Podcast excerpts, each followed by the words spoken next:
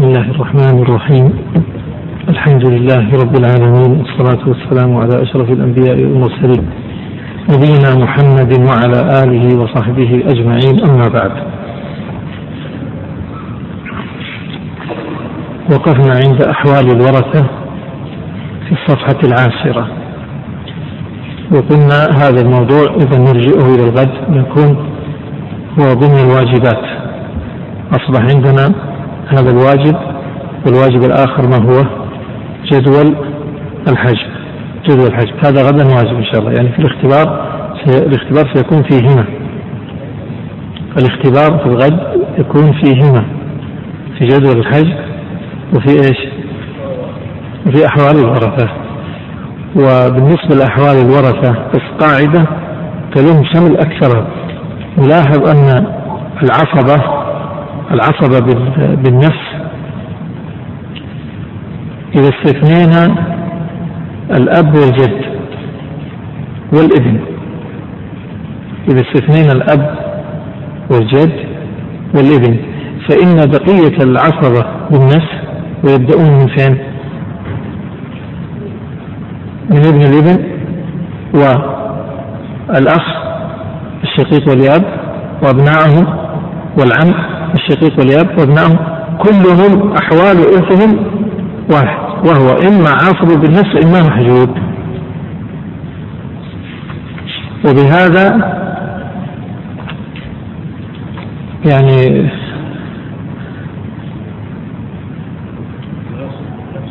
عصب بالنسبة محجوب.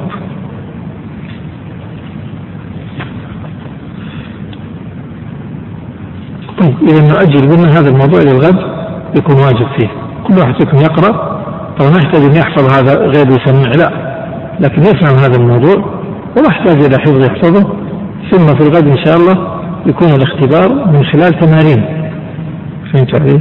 تمارين هذه التمارين تبين إنك فهمت الأحوال ولا ما فهمت الأحوال فقط. طيب ننتقل إلى الموضوع الذي نريده ونقصده وهو أصول المسائل. كيف نضع أصل المسألة؟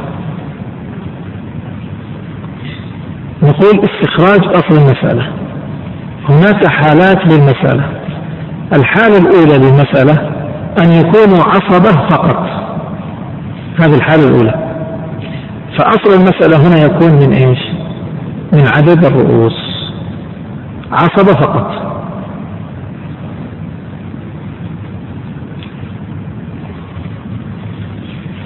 الآن كل واحد يفتح الدفتر حتى نبدأ شرح تأصيل المسائل من خلال التمارين. نحتاج أوراق كثيرة ما تكفيك فيك ورقتين الله يعينك. طيب.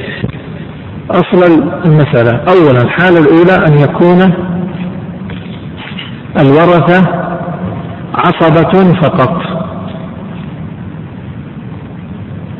عصبة فقط. مثال ذلك إيش؟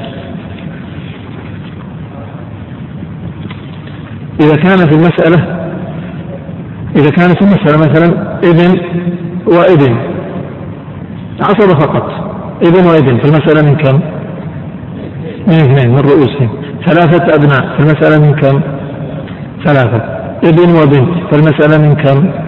ثلاثة ابن وبنتين فالمسألة من كم؟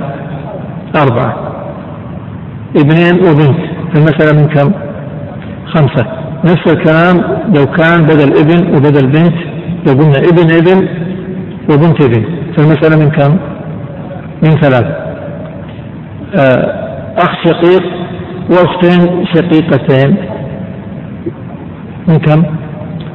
لا أخ شقيق اثنين وأختين من اثنين أربعة.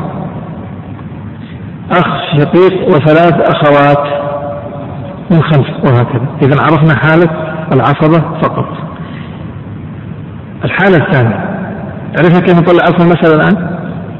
الحالة الثانية فرد واحد بدون عصبة. فرد واحد بدون عصبة. كيف فرد واحد بدون عصبة؟ مثلا بنت. المسألة من كم؟ نصيبها كم؟ نصف. وما في غيرها.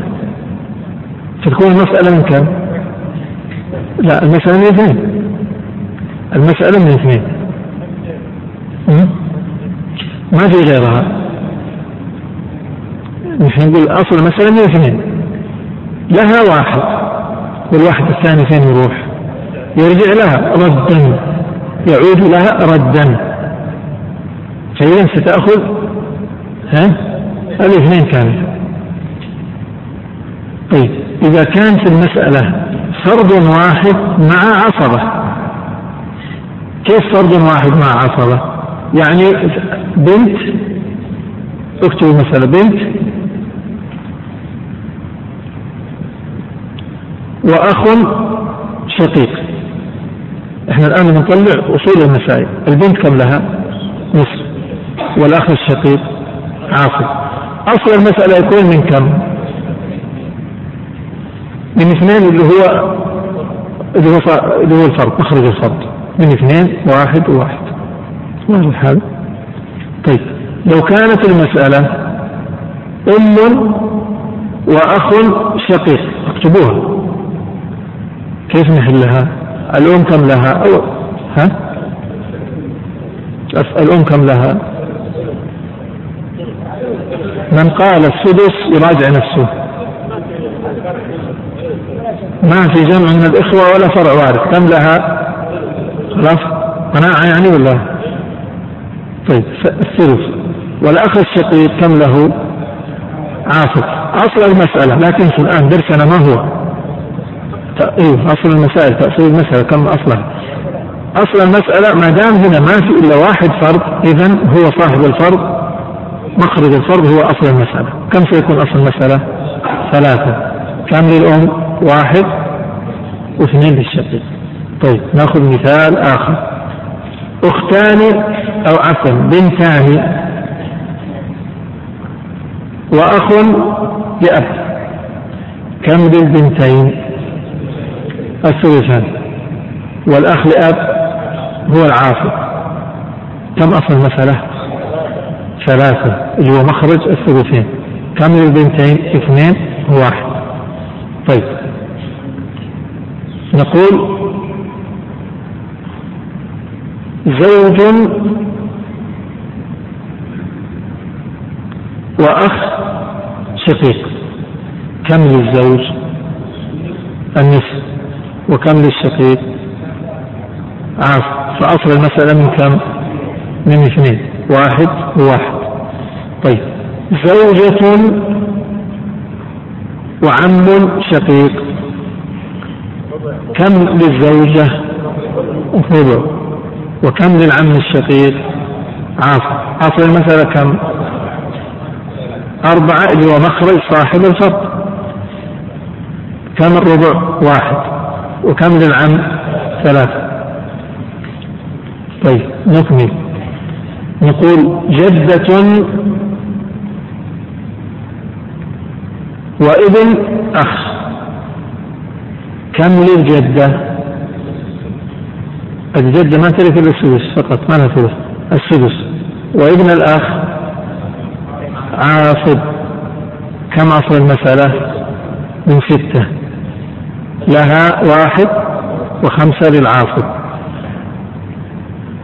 صعب المسألة هذه؟ إذا إذا ما كان عندنا إلا فرد واحد سواء في عصبة أو ما في عصبة ما دام ما في إلا صاحب فرد واحد فأصل المسألة ما هو؟ مخرج صاحب الفرد وإن كان ما عندنا صاحب فرد أصلا كلهم عصبة فأصل المسألة عدد الرؤوس.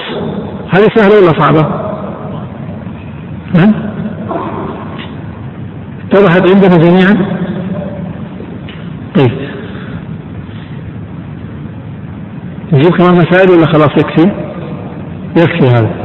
طيب ننتقل إلى الحالة الثالثة. إذا وجد أكثر من فرد بدون عصبة فكيف نحلها؟ نقول أصل المسألة هو ناتج النظر بين أصحاب الفروض بالنسب الأربع. نعم ناتج النظر بالنسب الأربع بين مخ... بين أصحاب أو مخارج الفروض إيش يعني هذا الكلام؟ مكتوب عندكم لا تكتبوه. مكتوب في المذكرة نقرأ المذكرة الآن. صفحة 12 الحالة الرابعة إذا كان أكثر من فرد ومعه عصبة.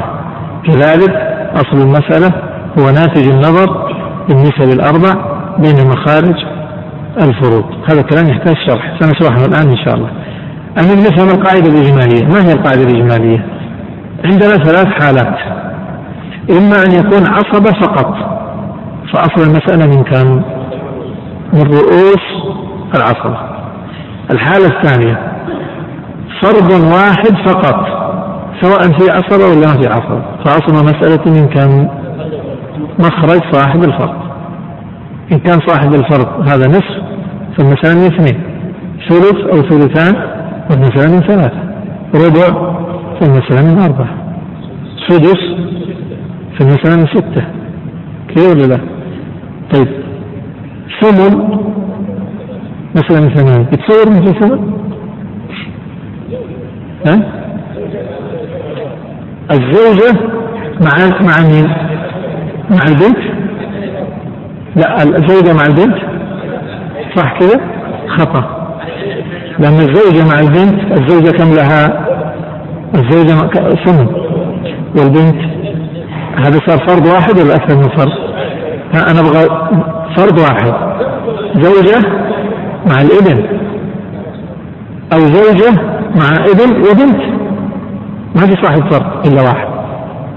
المسألة من كم؟ إذا ضيفوها هذه الله ضيفوها عشان لا تدخل. زوجة مع إبن وبنت. ضيفة الأولى محل ما أضفنا الأولى الزوجة كم لها؟ الثمن. والإبن والبنت عصبة المسألة من ثمانية واحد للزوجة والسبعة للعصبة واضح هذا؟ الآن القاعدة الأولى والقاعدة الثانية سهلة ولا لا؟ يعني ما بنشرع في الثالثة حتى تتضح القاعدة كان الأولى والثانية إذا إذا كان عصبة فقط من رؤوس العصبة وإن كان صاحب فرض فقط مع عصبة أو بدون عصبة ثم المخرج في أصل المسألة هو مخرج صاحب الفرض الحالة الثالثة إذا وجد أكثر من فرض إذا وجد أكثر من فرض سواء في عصبة أو ما في عصبة. طريقة الحل واحدة. ما هي طريقة الحل؟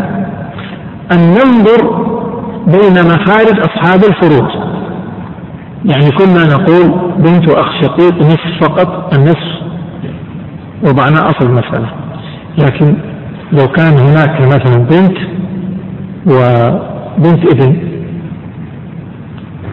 الآن فرض واحد ولا أكثر؟ أكثر. فرضان البنت لها النصف وبنت الابن لها سدس. أجل مخرجين. إيش الأرقام اللي تجتمع عندنا؟ اثنين وإيش؟ اثنين وستة. قلنا نصف وسدس. لا لا تحلوا بس الآن. بس جاوبوني.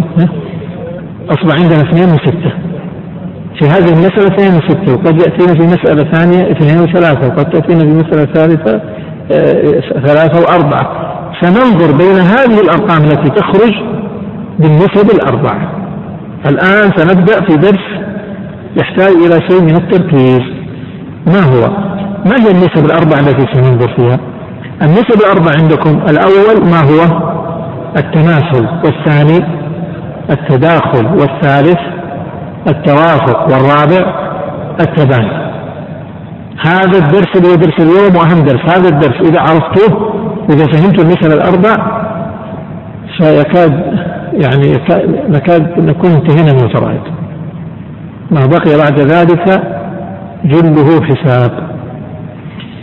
ما هي النسب الأربع؟ التماثل اول نسبه طيب الآن افتح صفحة خاصة واكتب صفحة جديدة واكتب فيها في رأسها التماثل.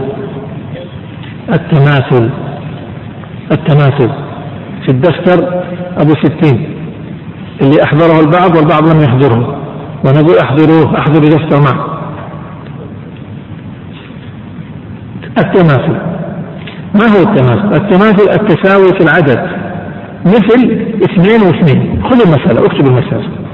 مثل عندكم كتبنا في المذكرة إيش؟ اثنين واثنين وثلاثة وثلاثة وستة وستة. هذا التماثل. مثاله اكتبوا زوج وأخت شقيقة. كم للزوج؟ نصف. وكم للأخت الشقيقة؟ نصف. مخرج الفرضين. كم وكم؟ طلعوا الأرقام الآن. اثنين اثنين هذا نسميه إيش؟ تماثل. إذا ستكون أصل المسألة من كم؟ من الاثنين. واحد وواحد. مثال آخر. واضح هذا؟ واضح يا شيخ؟ سهل الحمد لله. طيب زوج وأخت لأب. كم للزوج؟ نصف. وكم للأخت لأب؟ نصف. إذا مخرجها إيش؟ مخرج النصف اثنين. ومخرج النصف الثاني اثنين. إذا عندنا اثنين واثنين. تتداخل. نأخذ واحد منهم ونجعله أصل المسألة طيب نأخذ مسألة أخرى. نقول الآن نبغى نجيب ثلث يجي ولا ما يجي؟ نبغى ثلث وثلث ثلاثة وثلاثة. كيف نسوي؟ أم ولد أم ولد واحد راح يكون سدس. ها جيبوا معنا. ولدي أم الأم راح تصير سدس. دوروا في الأخوات مع أولاد الأم. فكر لا تقول يجي يمكن ابحث بعدين قول يجي أختان شقيقتان كم لهن؟ لهن الثلثان. مع؟ إن قلت أم الأم سدس. لأنه في كم؟ مع ولد واحد أم مع أولاد أم. واحد سدس. مع, مع ولدين. إذا أختان شقيقتان مع لا مو أخ, أخ اثنين. إيه. أخوان لأم. كم للأخت للأختين الشقيقتين؟ الثلثان. وكم للأخوان لأم؟ الثلث. كم مخرج الثلثين؟ ثلاثة. ومخرج الأخوان لأم؟ ثلاثة. مخرج الثلث ثلاثة. أصبح تماثل ولا لا؟ إذا نكتفي كم؟ بأحدهما يصير أصل المسألة من كم؟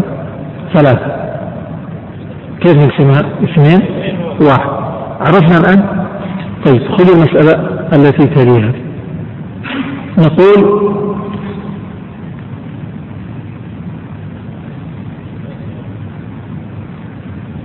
جدة جدة وأخ لأم كم لجدة سدس والأخ لأم سدس. كم مخرج السدس والسدس؟ صار ستة وستة. هذا نسميه إيش؟ تماثل فنكتفي بأحدهما. إذا أصل المسألة من كم؟ من ستة. واحد وواحد. الباقي إيش؟ كم الباقي؟ أربعة. نرد عليهم. هذا هذا باب نسميه الرد. باب يسمى الرد نرده على الاثنين. للاثنين للجدة وللسدس. فنعدل الرد كذا الرد سيأتي باب له خلاص لا تتداخلوا راح نرد الاثنين. نرد المسألة اثنين اتركوا طريقة الرد. في رد هنا. سنرد الباقي عليهما. تبغى الحل بسرعة؟ اسمعي لخبطكم طيب. أنا سأقول بصوت منخفض. اللي يتلخبط لا يسمعه. الستة تتحول إلى اثنين باختصار. يصير واحد واحد. هذا سمينا رد. كيف رجعنا صار كل واحد أخذ واحد من اثنين واحد من اثنين. طيب اتركوا هذا الكلام. لا لا تهتموا الآن بالموضوع. انتهينا من التماثل. اثنين واثنين يعني نصف ونصف. سنجعل مثلا من اثنين. ثلث وثلث. سنجعلها من ثلاث. سدس وسدس سنجعلها من ست. انتهينا من التماثل. هيا افتح صفحة جديدة. واكتب فيها التداخل. طيب ما هو التداخل؟ في المذكرة الصفحة 12 عددان ينقسم الأكبر على الأصغر بدون كسر. مثل إيش؟ مثل الاثنين والأربعة. الاثنين والأربعة. الاثنين والأربعة. أكتب مثال. زوج وبنت. كم للزوج؟ الربع. وكم للبنت النصف. كم المخارج الأرقام تجتمع عندنا الآن؟ أربعة واثنين. الأربعة والاثنين تتداخل بمعنى أنه الأربعة هي من مضاعفات الاثنين. فهمتوا؟ الاثنين أنا أسألكم الآن الاثنين تحت الأربعة. طيب الاثنين تحت الخمسة ولا تحت الخمسة؟ ما هي تحت ما هي أضعافها؟ الاثنين لو ضربناها باثنين صارت أربعة. لكن الاثنين لو ضربناها باثنين أربعة ما تصير خمسة. ولو ضربناها بثلاثة ستة ما تصير خمسة. فهمتوا؟ إذا التداخل عددان ينقسم الأكبر على الأصغر بدون كسر. واضح المسألة هذه ولا لا؟ وتراها أمامكم في الملخص محددة. يعني هذه الأرقام فقط لا تتغير. الاثنين مع الأربعة تداخل. الاثنين مع الستة تداخل. الاثنين مع الثمانية تداخل. أليس كذلك؟ والثلاثة مع الستة تداخل فقط إذا عندنا في التداخل سيكون أربعة أرقام وفي التماثل مر معنا كم؟ كم مر معنا؟ في التماثل أول في المذكرة كم؟ الثلاثة وش هي؟ الاثنين مع الاثنين والثلاثة مع الثلاثة والستة مع الستة ما في غيرها إيش يعني ما في غيرها؟ يعني لا تتصور إن تجي أربعة مع الأربعة مع الأربعة ولا ممكن تجي؟ ليش ما تجي؟ طيب الأربعة ربع ليش ما تجينا في مسألة ربع؟ ربع؟ زوج زوجة ما يجي ربع ربع. واضح هذا؟ طيب إيش يجي؟ ثمن وثمن؟ ما يجي. لأن الزوج الزوجة الثمن للزوجة. فما راح يكون فيه ثمن وثمن واضح هذا ولا لا؟ إذا ما يتصور التماثل محددة في هذه الأرقام معكم. والتداخل أيضا محددة في هذه الأرقام معكم. وهي الاثنين مع الأربعة كما في المثال. طيب الرقم الثاني كم؟ اثنين وإيش؟ وستة طب خلينا ما زلنا في اثنين وأربعة زوج وبنت قلنا ربع آه ونصف يعني أربعة واثنين المسألة من كم؟ الأربعة اثنين ونصف يعني اثنين وأربعة المسألة من أربعة نأخذ في التداخل فنأخذ الأكبر إذا المسألة من أربعة الزوج كم له؟ الزوج له واحد والبنت لها اثنان. باقي واحد اتركوه في باب الرد. ما نرد عليه لا هنا لا. نرد على البنت ما نرد على الزوج. اتركوه الآن. لا نخبط. ها شيخ؟ آه، يوسف آه، ذكرني. عبد ها؟ عبد الله. ذهني هناك. ناخذ طيب. اثنين وستة. هاتوا أنتم المثال الآن. اثنين وستة إيش يعني؟ يعني نصف وسدس. فين يجي النصف والسدس؟ يا سلام. بنت وجدة. البنت كم لها؟ النصف. والجدة السدس. يعني اثنين وستة. تتداخل. فنأخذ الأكبر وهو الستة أصبحت المسألة ستة. البنت كم لها؟ ثلاثة. والجدة واحد. أيضا فيه رد. اتركوه. في رد بعدين. طيب في غير كذا بنت وجدة إيش بنت وجدة يعني نصف نصف نصف سدس نبغى. إيش ممكن نقول؟ بنت يقول وأم. كذلك سيكون لها السدس من غيرها. لو قلنا بنت وأب إيش رأيكم؟ بنت وأب. كم يكون للأب؟ سدس وباقي يعني في سدس ولا ما في؟ وفي عصبة لكن في سدس. يصلح ولا ما يصلح؟ طيب اكتب بنت وأب. البنت لها النصف والأب. إيش نكتب أمامه؟ عين وسدس. إذا عندنا فرضان النصف والسدس يعني اثنين وستة تتداخل فأصل المسألة تصبح من إيش؟ من ستة. البنت لها ثلاثة والأب له واحد فرضا. زائد اثنين تعصيبا. يساوي ثلاثة. طيب نريد اثنين وثمانية يعني نصف إيش؟ وثمن. فين يتصور هذا؟ زوجة وبنت. كم الزوجة؟ كم الزوجة؟ لا لو زوجة وأخت لا. الزوجة الثمن والبنت؟ النصف. تصبح المسألة من كم؟ واضح ليش من ثمانية؟ مشايخ كله واضح عندكم؟ القريب والبعيد. والذين هم في أقصى المسجد. واضح؟ ثمانية. واحد وكم؟ وأربعة. طبعا سيحصل رد. بعدين نعرف كيف الرد. لكن لو قلنا زوجة وأخت هذه تدخل في المسألة الأولى. إيه. لو قلنا زوجة وأخت كم للزوجة؟ وكم للأخت؟ نصف. أصبحت أربعة واثنان. إيش يحصل؟ يحصل؟ إيه؟ في المسألة أربعة. المسألة طيب.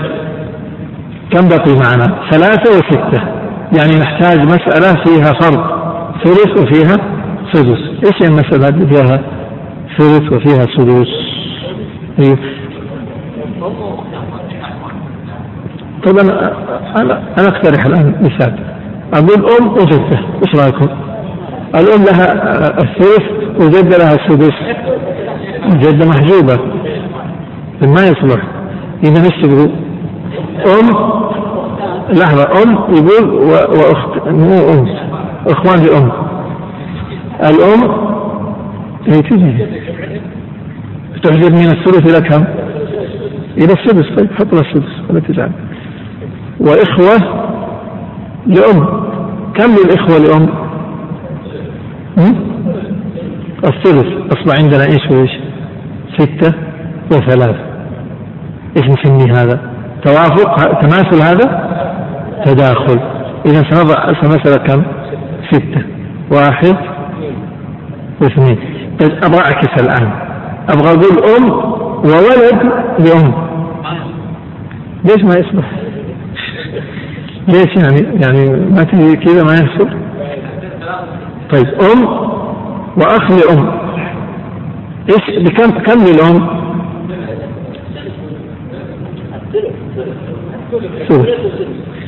أم وأخ لأم الأم لها الثلث والأخ لأم كم له؟ كم؟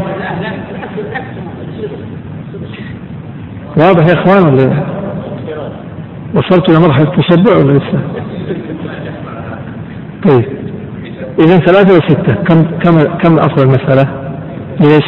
من أجل التماثل من أجل التداخل. المسألة من ستة. الثلث كم ثلث الستة؟ اثنان. كيف جبنا اثنان يعني؟ نقسم الستة على ثلاثة اثنين. والثلث واحد. وهنا سيحصل رد. طيب انتهينا من التداخل؟ انتهينا من التداخل؟ إيش باقي عندنا؟ التوافق. التوافق. لاحظوا يا مشايخ التوافق عندنا ما هو؟ عددان يتفقان في جزء من الأجزاء. يتفقان في جسم الأجزاء. أو يقبلان القسمة على أقل عدد آخر. التوافق لا يكون إلا بين إلا في مسألتين. الستة مع الثمانية يعني السدس مع الثمن. وفي المسألة الثانية الستة مع الأربعة. الستة مع الأربعة. يعني سدس وإيش؟ وربع. سنأخذ أمثلة عليها بس ما نفهم كيف نحلها. إن اجتمع عندنا سدس وثمن يعني ستة وثمانية. الزوجة ما تأخذ الصابون يا شيخ. ما في ولد. طيب إذا وضعنا أيضا. الآن اترك اترك إيش هي؟ سمعت عن المسألة بس بنفهم الآن كيف نحل إذا جاءت الستة مع الثمانية. السدس والثمن يعني ستة وثمانية. كم نجعل أصل المسألة؟ ستة وثمانية. نقول لحظة الستة والثمانية يلتقيان في ماذا؟ كلاهما يقبل القسمة على رقم اثنين. فالستة على اثنين كم؟ ثلاث والثمانية على اثنين أربعة. ماذا نفعل؟ الآن تصوروا كذا. ستة وثمانية. ضعوا تحت الستة وفقها. الستة تنقسم على كم؟ تنقسم على كم؟ على اثنين فيكون وفقها ثلاثة حطوا تحت الستة ثلاثة والثمانية تنقسم على اثنين الثمانية على اثنين تصير إيش؟ تصير أربعة لا أنا سأقوم الآن فين ال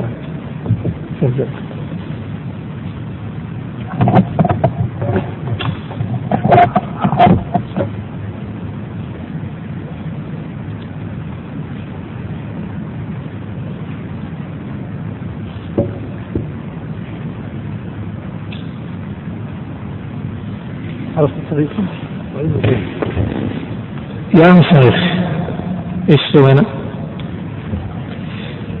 الستة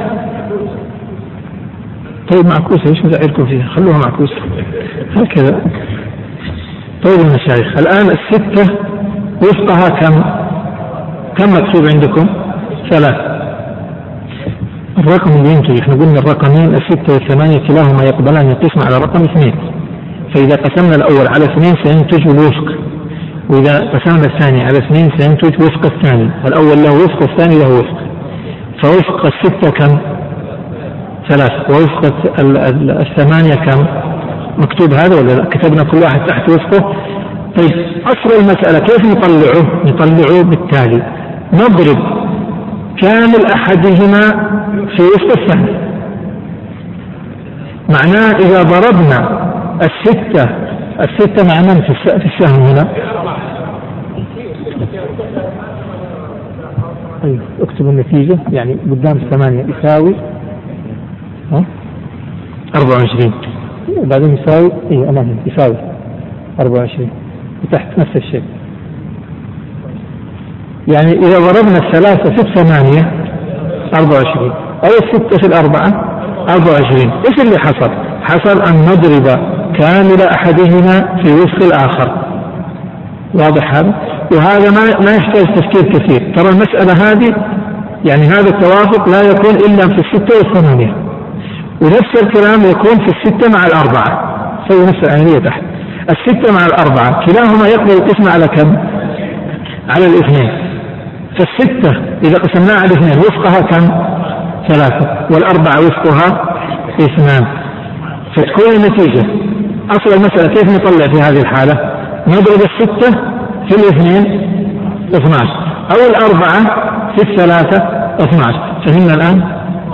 إذا في حال التوافق ولا يكون التوافق إلا في هذين أو في هاتين المسألتين.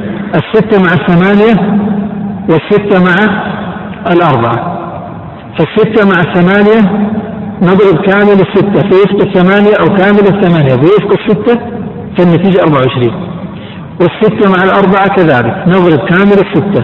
في وفق الأربعة لاثنين يكون 12 أو كامل الأربعة في وفق الستة وهو ثلاثة يساوي 12 الشيخ عبد العزيز. واضح هذا؟ طيب. أصبح التوافق واضح الآن؟ طيب نأخذ مثال. نبغى الآن مثال للسدس مع الثمن. كيف يكون؟ ما دام ثمن محتاج زوجة. ولازم فرع وارث نحط ابن. مين نضع كمان؟ أم. زوجة وأم وابن. كم للزوجة؟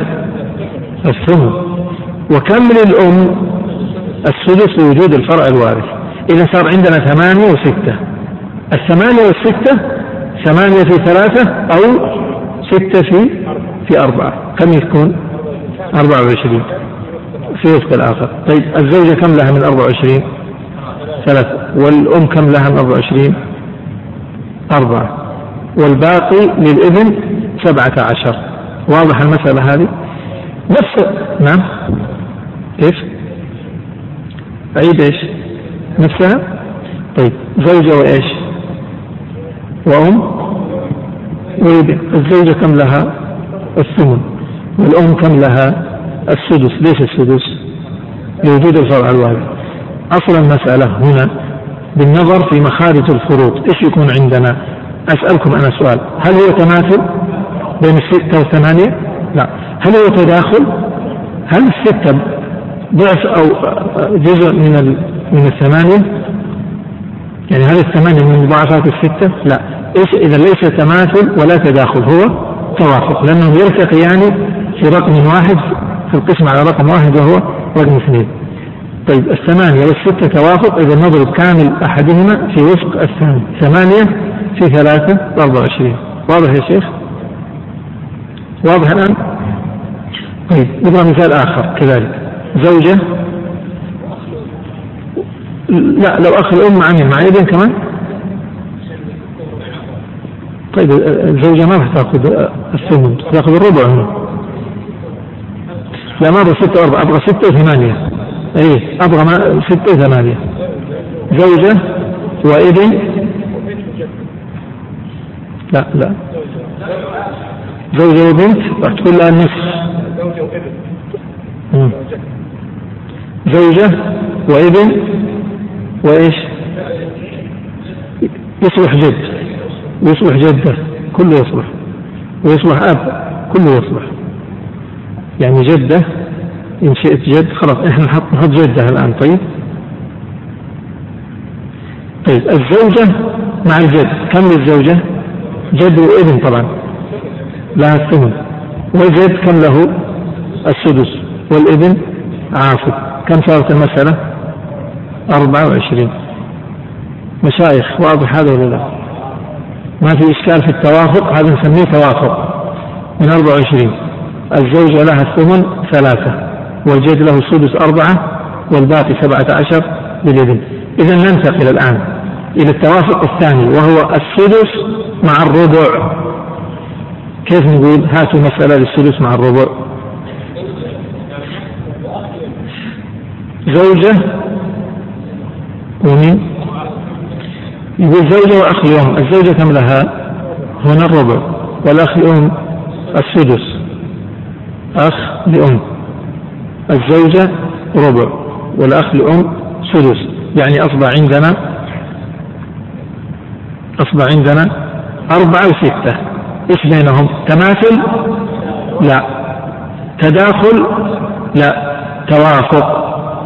فنضرب الستة في اثنين أو الأربعة في ثلاث. كامل أحدهما في وسط الآخر. أصل المسألة من كم؟ من 12 ربعها وسدس ثلاثة وسدسها اثنان. طيب ليش ما نحط آه، عاصب كمان عشان يأخذ الباقي؟ جيبوا عاصب لا يحجب الأخ. لأم يعني يقولوا عم مثلا. عم أو ابن عم. يأخذ الباقي. كم الباقي سيكون؟ سبعة. طيب. مسألة أخرى أريد. فيها ربع وسدس. للزوجة. لا للزوجة. الزوجة مع مين راح تكون لو قلنا لو قلنا زوجة مع جدة زوجة مع الجدة ها؟ سيكون عاصب سي... لا يأخذ السدس سيكون عاصب يأخذ ما نحط تحطه عشان إيش؟ جدة وأبو مين؟ طيب. إذا زوجة وجدة ومن؟ وأب. الزوجة كم لها؟ الربع. والجدة؟ السدس. والأب؟ عاصب ما له سدس لأنه ما في فرع وارث لو في فرع وارث نعطيه السدس أصبحت أربعة وستة. أصل المسألة من كم؟ معروف كيف جاءت؟ ثلاثة واثنان وسبعة. طيب. كذلك نريد مثال آخر بس في زوج. نقول زوج نبغى صاحب ربع معنى لازم نضع فرع وارث. نقول زوج وابن ومين كمان نبغى صاحب سدس الآن. أم. زوج وابن وأم. الزوج كم له؟ الربع لوجود الابن. لوجود الابن. والابن عاصب والأم لها الثلث لوجود الفرع الوارث إذا المسألة من 12 الزوج كم له؟ ثلاثة. والأم كم لها؟ اثنان. والابن عاصب له الباقي. واضح التوافق؟ طيب ننتهي نختم بالتباين. ما هو التباين؟ رقم أربعة. التباين عددان لا يوجد بينهما اتفاق في أي جزء. مثل إيش؟ عندنا ثلاثة أمثلة. المثال الأول الاثنين والثلاثة هل هما متماثلان؟ لا. متداخلان؟ لا. متوافقان؟ لا. إذا هما مختلفان تماما متباينان. اثنين وثلاثة. والمثال الثاني إيش مكتوب عندكم؟ أربعة وثلاثة. والمثال الثالث ثمانية وثلاثة. يعني أصبحت الثلاثة مشتركة. الثلاثة مع الاثنين ومع الأربعة ومع الثمانية. اثنين وضعفها كم ضعف الاثنين؟ أربعة. وضعفها ثمانية. الثلاثة تختلف مع الاثنين وضعفيها. واضح يا مشايخ؟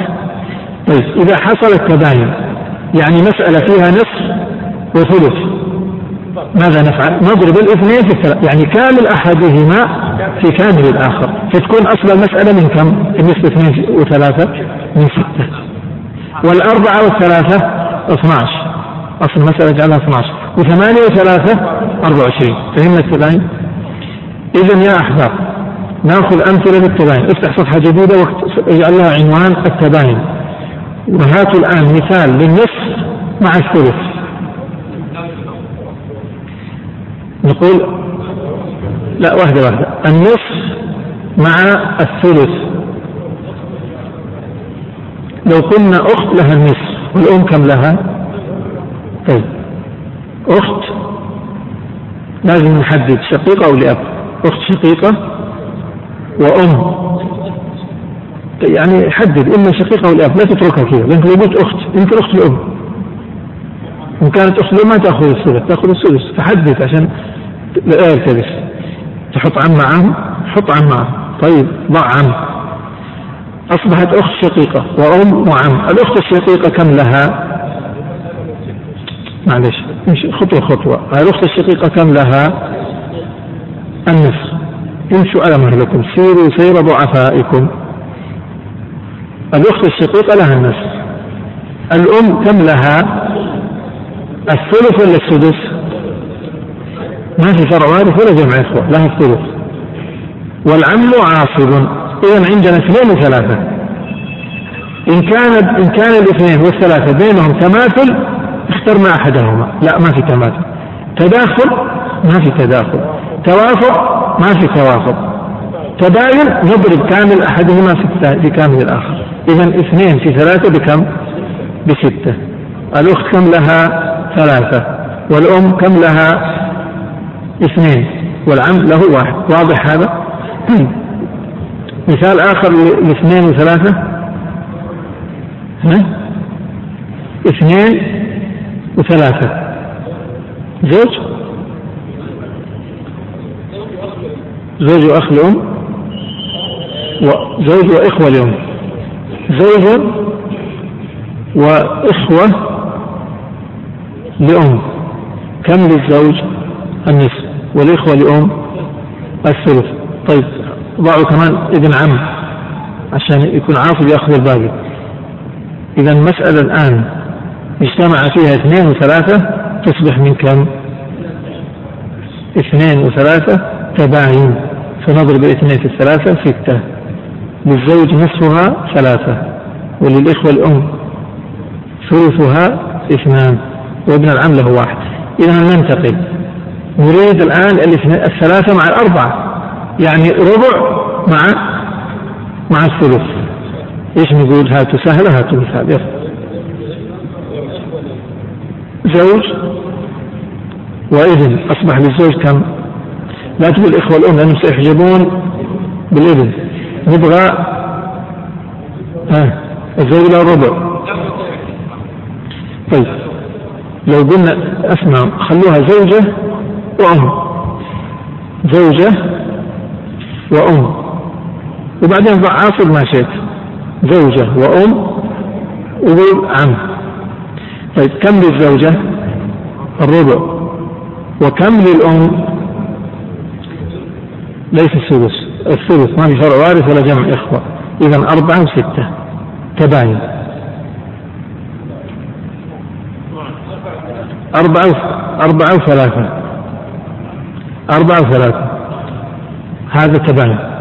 هل الأربعة تماثل الثلاثة؟ لا. هل تتداخل مع الثلاثة؟ لا.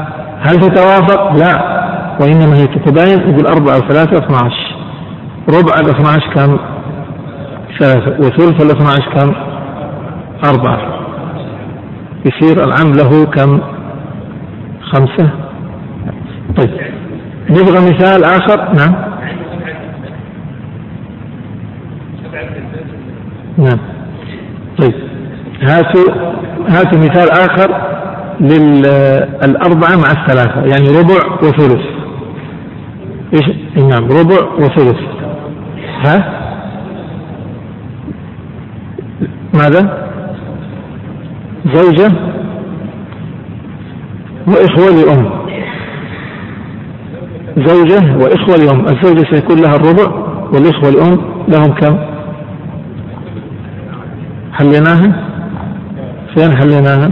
زوجة اكتب وإخوة لأم. الزوجة كم لها؟ ها؟ الربع. والإخوة لأم كم لهم؟ الثلث. ثم نضع ابن عم عاصي إذا عندنا في الزوجة والإخوة الأم ربع وثلث يعني أربعة وثلاثة. ما العلاقة بين أربعة وثلاثة؟ العلاقة بينهم إيش؟ تباين. نضرب كامل الأول في كامل الثاني 12 تصير ثلاثة للزوجة الربع ثلاثة وللإخوة أربعة وابن العم خمسة. آه طيب خذوا هذا المثال. لو قلنا لو قلنا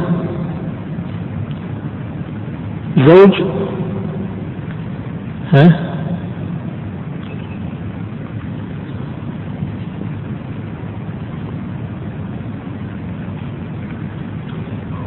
نعم. لا سيخلص. لو قلنا اكتبوا هذا. زوجة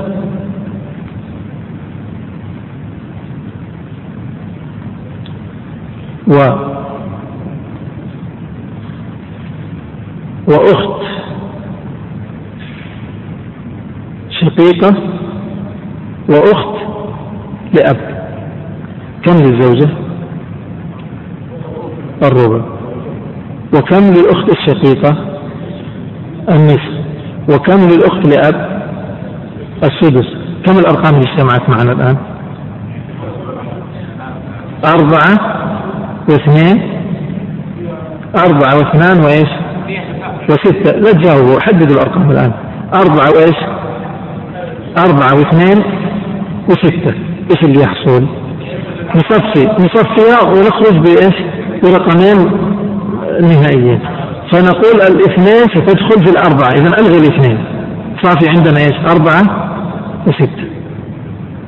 فيصير أربعة وستة إيش بينهم؟ توافق.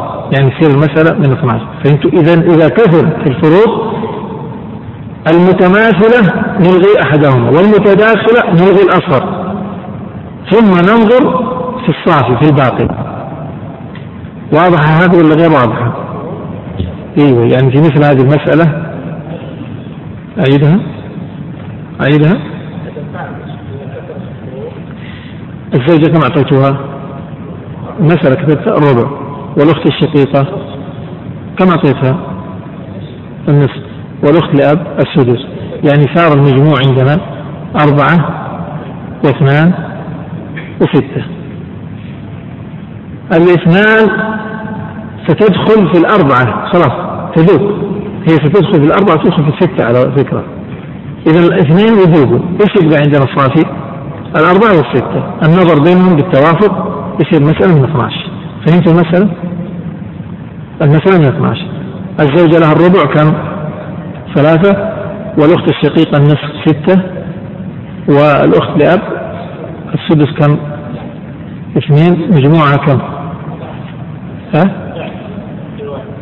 إيه ثمانية تسعة عشر أحد عشر حطوا عام عشان يكون عاصب ياخذ الواحد.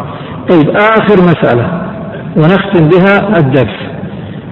الثمانية والثلاثة. يعني نحتاج إلى مسألة فيها ثمن وفيها وفيها ثلث.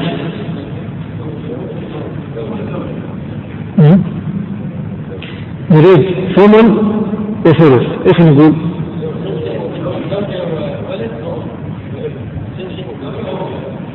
زوجة وايش؟ أبغى ثمن وثلث. ها؟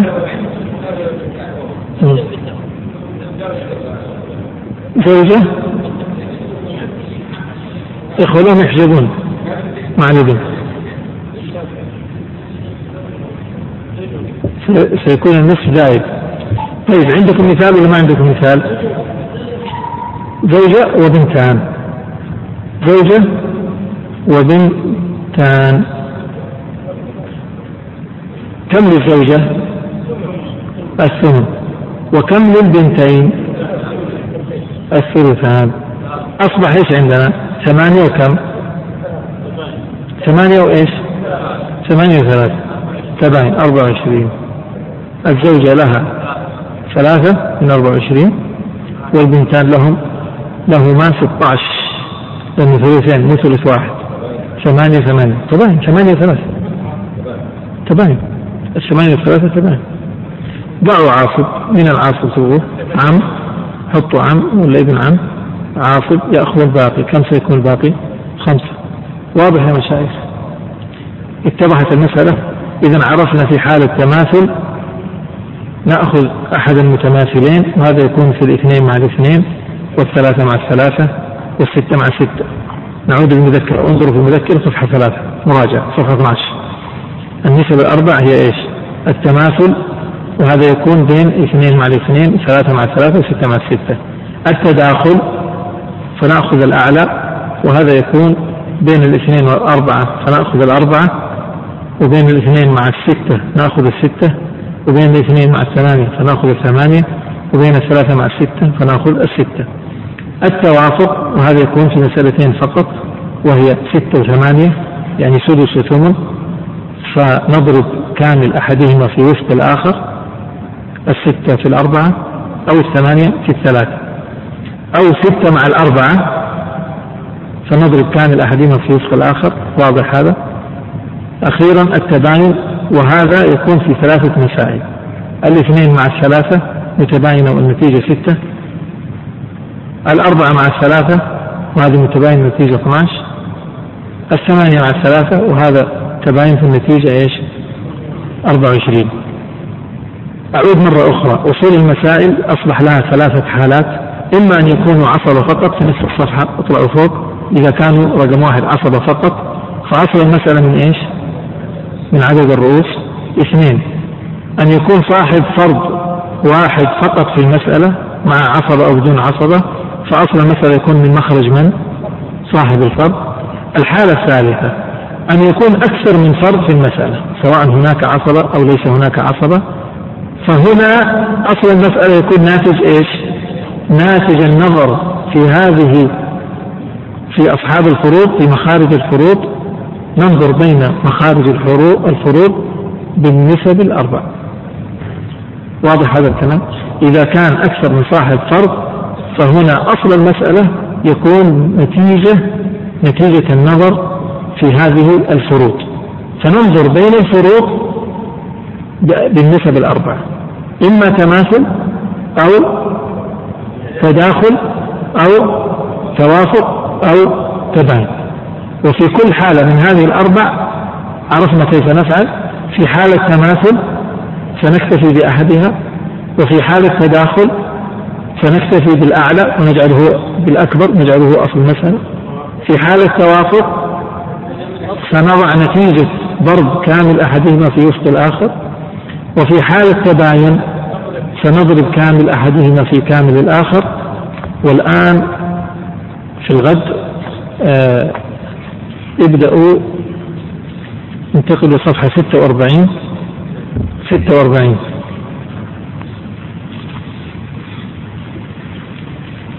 صفحة 46 رأيتوها؟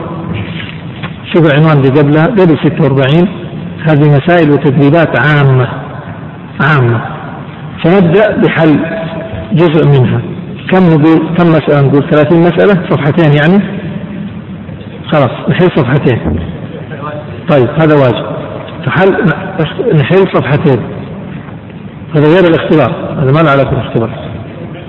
إيه 46 صفحة 46 نحلها كاملة بوضع يعني نضع لصاحب الفرض فرضه والمعصبة آه، عين ونضع أصل المسألة وصلى الله وسلم وبارك على نبينا محمد. ما هي السبعة؟ الأول اثنين. اثنين مخرج كم؟ مخرج أي فرد النصف. ثلاثة مخرج إيش؟ فقط الثلث والثلثان. أربعة الربع. ستة ثمانية الثمن. اثنا عشر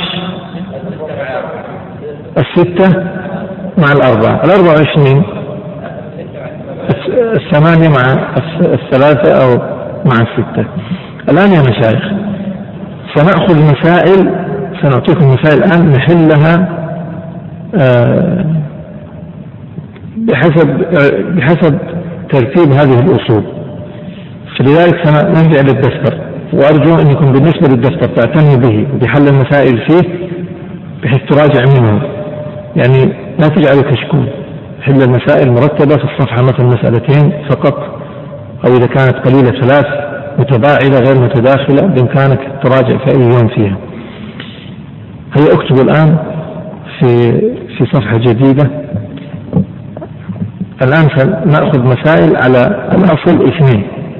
بنت وعم حلوها كيف نحل هذا بنت وعم. البنت كم لها نصف والعم عاصب المسألة من اثنين. واحد وواحد. كذا؟ طيب. زوج وأخت شقيقة. كم للزوج؟ النصف. وكم لأخت الشقيقة؟ النصف. كم أصل المسألة؟ من اثنين. هنا إيش طبقنا؟ قاعدة إيش؟ ما في تساوي؟ تماثل. تماثل. والقاعدة الثانية إيش؟ تداخل. والثالثة توافق. والرابعة كذلك طيب. الآن أصبح عندنا تماثل. نصف ونصف تماثل. إذا في هذا التمرين الآن راح نراجع فيه آه النسب الأربع. نراجع فيه أيضا أصحاب الفروض نصف ونصف إذا نأخذ في حالة تماثل نأخذ أحدهم مسألة من كم أصبح؟ أصبحت من اثنين واحد وواحد. طيب. الآن سنأخذ مسائل على الأصل ثلاثة. لاحظوا المسألتين الماضية. كلها أصلها كم؟ أصلها اثنين. طيب. أم وعم.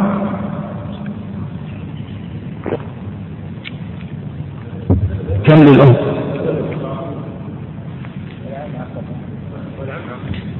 والعم عصب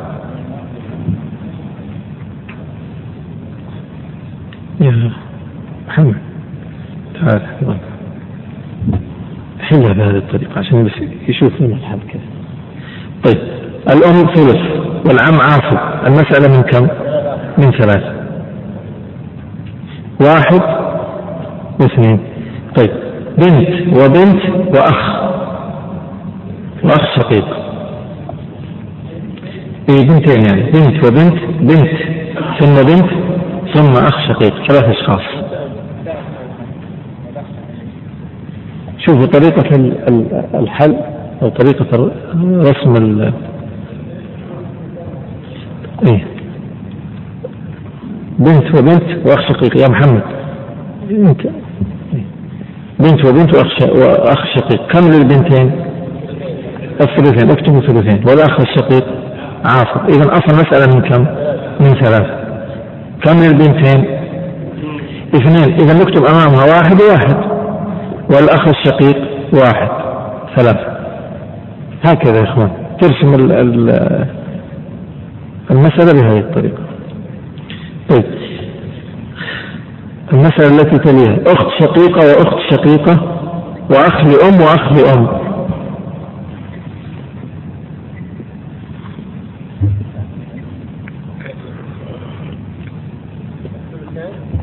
الأختين الشقيقتين لهما الثلثان والأخ لأم والأخ لأم لهما الثلث إذا المسألة هذه مكونة من إيش؟ من ثلاثة وثلاثة إيش نسميه؟ تداخل تداخل هو تماثل ما نسميه تداخل نسميه تماثل طيب كم أصل المسألة؟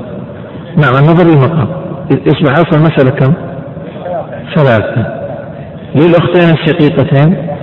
واحد وواحد والأخوين الإخوة الأم لهما واحد. معناه سنحتاج إلى التصحيح. لو أردنا أن نصحح الآن الواحد هذا ينقسم ولا ما ينقسم؟ ما ينقسم على الاثنين إلا بنصف نصف. يعني ما نريد نصف نصف. أقل عدد يأخذه الوارث واحد. طيب كم رؤوسهم؟ كم رؤوسهم يا إخوان؟ لحظة لحظة لا لا لا, لا. ليش أربعة؟ الانكسار الآن فين؟ في أي فريق؟ فريق الإخوة الأم ولا فريق الشقائق؟ في الإخوة الأم الواحد ما ينقسم على الاثنين إلا بكسر كم رؤوسهم الوارثين هنا كم رؤوسهم؟ لا يا شيخ اللي اللي مكسور ما ينقسم اثنين اكتب اثنين بالرحيم الرؤوس اثنين اضربها أحط عليها دائرة لا لا دائرة هذه الاثنين اللي هي إيش؟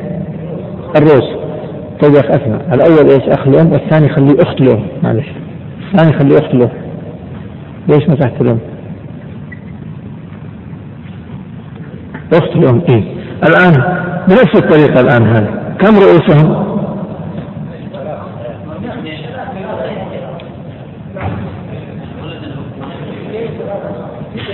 الإخوة بأم أولاد الأم متساويين. الذكر مثل الأنثى. ما صار رؤوسهم كم؟ أيضا اثنين اثنين بس لا ما نبغى إذا رؤوسهم اثنين نصحح المسألة بالطريقة التالية في إشكال أحد عنده إشكال؟ عندك إشكال أنت؟ إيش؟ إيه كم رؤوسهم؟ لا لا يعتبروا اثنين لأن الإخوة لأم أولاد الأم متساويين الذكر مثل الأنثى ما يختلفون فقط في هذا في, في أولاد الأم فقط أما بقية ال... طيب تصحيح المسألة يكون كالتالي ماذا نفعل؟ نأخذ الرؤوس اثنين ونضربها في أصل المسألة نحط اثنين فوق ضرب فوق إيه؟ اثنين ضرب أصبحت كم؟ ستة كمل كمل خط وسوي خط فاصل سوي خط فاصل إيه؟ كمل واحد خط العرض فوق تحت الستة إيه مستمر طيب إذا اثنين في ثلاثة بستة كم للأخوات؟ أكمل الضبط اثنين؟ إيه؟ واحد واحد. واضح كيف التصحيح؟ هذه الطريقة نسميها نسميها تصحيح المسألة. تأصيل المسألة من كم؟ أصل المسألة من كم؟ ثلاثة. وبعد التصحيح أصبح أصل المسألة من كم؟ من ستة. واضح كيف؟ طيب. خذوا إيه، خذوا المسألة الثانية. سننتقل الآن إلى المسائل التي أصلها الربع. زوج وابن. زوج وابن. كم للزوج؟ الربع. وكم للابن؟ عين. المسألة من كم؟ أربعة. واحد وثلاثة. زوج وبنت. كم للزوج؟ والبنت.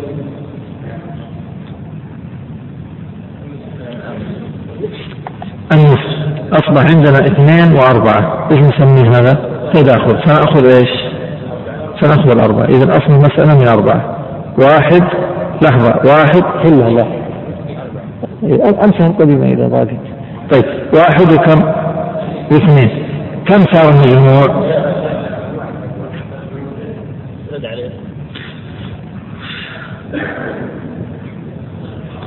هذه فيها رد. الرد اسمع الرد لا يكون على أحد الزوجين ما يرد على الزوجين؟ يرد على غير الزوجين. هنا من عندنا غير الزوجين؟ البنت. نصيبها اثنين فرضا.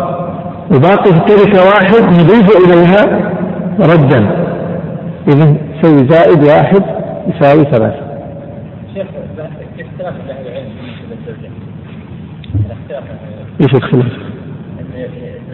قال بعض أهل العلم دام انها آه، يحصلها العود نعطيه على العموم يقولون هذا شبه اجماع ترى. جمهور أهل العلم وبعضهم حكى الإجماع. قال لا نعلم فيه خلافا طيب اكمل يا شيخ. زوجة وأب وأم. كم للزوجة؟ الربع. وكم للأم؟ ما أدري ما أعرف. أنتم أدرى. أنتم. هذه إحدى الغراوين. ثلث الباقي. والأب كم له؟ عفوا. المسألة من كم؟ من أربعة. الزوجة لها واحد. ثم الأم لها ثلث الباقي. كم الباقي بعد الواحد؟ ثلاثة. ثلث الثلاثة واحد. كم للأب؟ اثنان. طيب زوجة وابن. لا من انتبه لأن هذا ثلث الباقي. هذا الثلث سيكون من الباقي وليس الثلث من الأصل. من الأصل مثلا طيب زوجة وأم. كم زوجة وابن؟ تعرف إيش؟ عشان ترتاح. إذا انتهيت ابدأ من البداية. يصير حاول ثلاث مسائل. زوجة وابن كم للزوجة؟ الثمن. كان سمعت ربع أحد يقول ربع. والابن إيش؟ عاصم المسألة من كم؟ من ثمانية. الزوجة لها واحد والابن له سبعة. طيب زوجة وبنت.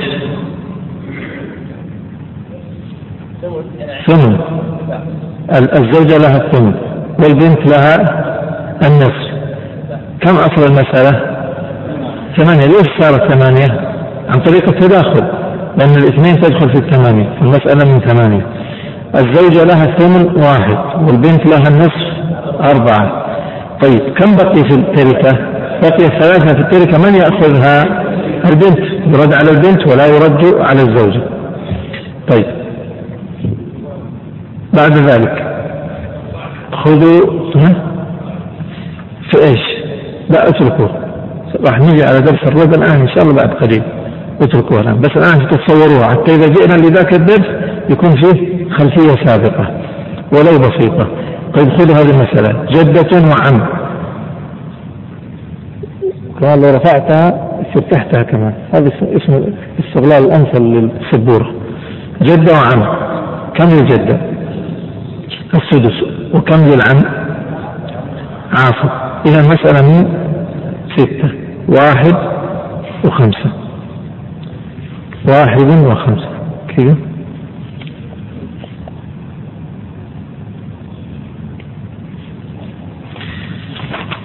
طيب. أب وأم وابن. أب وأم وابن. كم للأب؟ وكم للأم؟ السدس كلاهما له السدس كل واحد له السدس والابن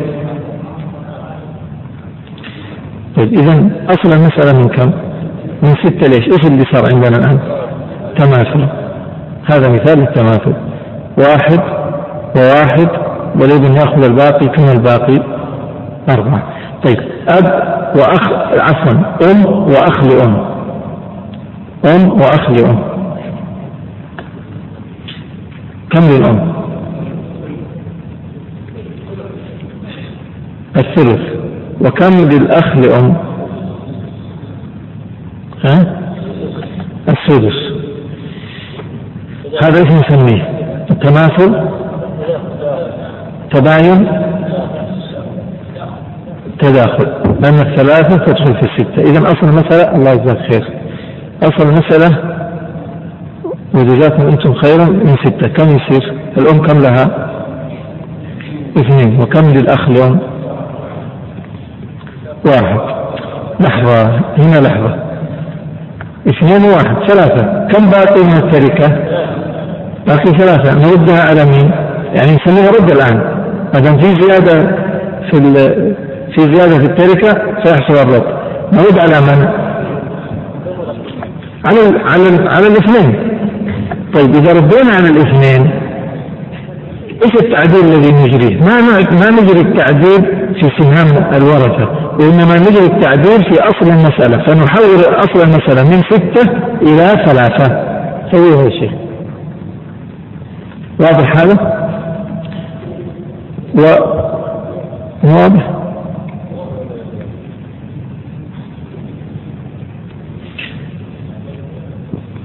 أصل المسألة هذه كم؟ من ستة. اثنين واحد. فنرد الباقي عليهما نرده عليهما بالتساوي يعني كل واحد بنسبته وبحصته. فالذي له ثلث التركة يعني الأم لها بالنسبة للأخ الأم ضعفه.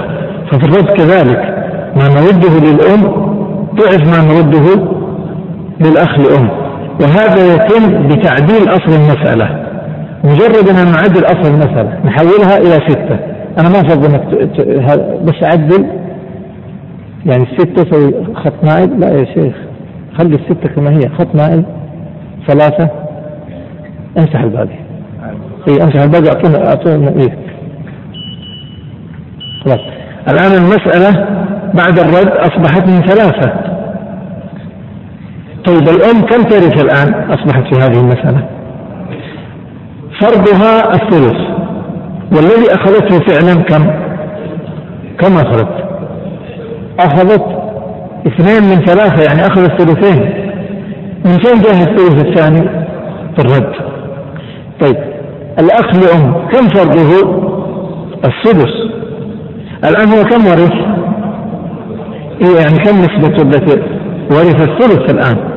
واحد من ثلاثة يعني الثلث من فين جابوا سدس آخر ترى الثلث الثلث يساوي سدسان يساوي سدسين سدس وسدس يساوي ثلث فالأخ الأم كان له سدس واحد فأخذ الثلث يعني أخذ سدسين من أين جاء السدس الثاني؟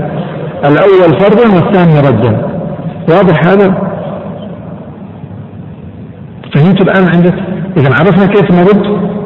إذا كان في المسألة صاحب زوجية ما نرد عليه نرد عليه معه.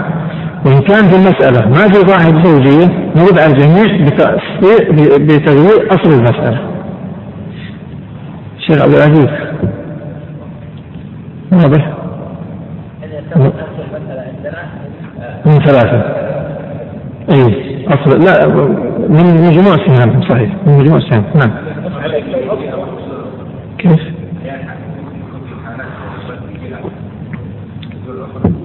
كيف؟ لا ما يحصل. ما, ما في الزوج والزوجة هو الذي لا نرد عليهما بقيه الورثه نرد عليهم. طيب الآن هو ما درس رد درس رد سيأتي إن شاء الله. من فهمت المسألة؟ فهمنا في كيف نرد؟ أكمل يا شيخ. وقفنا عند مسألة إيش؟ أنا ما أعرف وين وقفنا حقيقة. إيش المسألة الأخيرة؟ أم؟ واخ الام طيب خذ المسألة. أم؟ وشقيقة وشقيقه أم وشقيقة وشقيقة امسح هذا الأول اللي ينتهي منه عشان ما يخربطنا أحسن. اي امسح الكبير طيب كم للأم يا مشايخ السدس من أجل جمع الإخوة. وكم للشقيقتين؟ الثلثان. إذا عندنا ثلاثة وعندنا ستة. كم أصل المسألة؟ أصل المسألة ستة. كم للأم منه؟ واحد. وكم للشقيقتين أربعة يعني اثنين واثنين كذا ولا لا؟ حليتها كذا؟ اثنين اثنين طيب هل في هذه المسألة رد ولا ما فيها رد؟ فيها رد واحد إيش نسوي؟ خط مائل وخمسة إذا رد المسألة أصل المسألة بعد الرد أصبح من خمسة عرفت إيش اللي حصل؟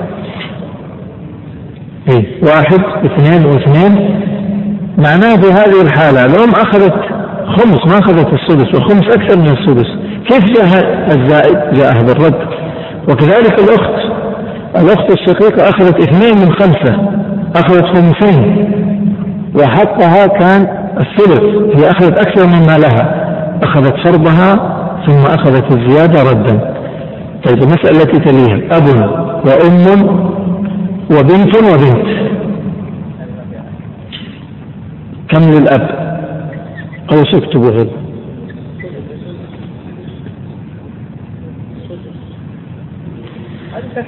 طيب. السدس للأب والأم. نعم. سدس آخر. والبنت والبنت. الثلثان. طيب كم أصل المسألة؟ لا لحظة. لاحظ الآن. بالله خرجي الأرقام تحت اكتب أو فوق. لحظة اكتب ستة. الأب كم له؟ مخرج فرض الأب كم؟ ستة. ومخرج فرض الأم كم؟ ستة. ومخرج فرض البنت ثلاثة. كيف نفعل الآن؟ تداخل فين؟ أولا أولا سيحصل أولا حصل تماثل بين الستة والستة ألغي واحدة من الستات. ألغي الأولى. طيب. بقي بين الستة والثلاثة تداخل فنأخذ الأعلى ستة ونجعله أصل المسألة عرفنا كيف نفعل؟ إذا إذا وجد أصحاب فروض كثير هكذا ننظر بينهم. ما يحصل من تماثل بينهم نلغي المتماثل وما يحصل من تداخل حتى نخرج برقم آه، موحد. إذا أصل المسألة ستة الأب كم له واحد والأم واحد والبنت اثنين والبنت اثنين. هذه المسألة هل هي عائلة ولا فيها رد ولا عادلة؟ عادلة يعني ما فيها لا زيادة ولا نقص. طيب المسألة بنت وبنت ابن.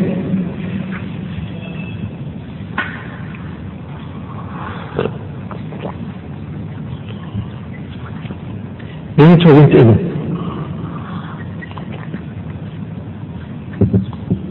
كم للبنت؟ النصف. وكم لبنت الابن؟ إذا اثنين وستة. المسألة من ستة. البنت لها ثلاثة. وبنت الابن واحد. هذه المسألة عادلة ولا فيها رد؟ فيها رد. كم تصبح بعد الرد؟ أربعة. عدلها. إيه أصبحت. جوارها واضحة خليها. خط مائل أربعة أصبحت البنت الآن في الحقيقة أخذت بدل النصف ثلاث أرباع. وبنت الابن أخذت ربع. أخذت زيادة. الزيادة جاءتها بالرد أخذت فرضها والرد زيادة. طيب بنت وبنت ابن وأم نعم نعم إيه. طيب طيب واذا باقي اثنين إيه إيش إيش إيش السؤال؟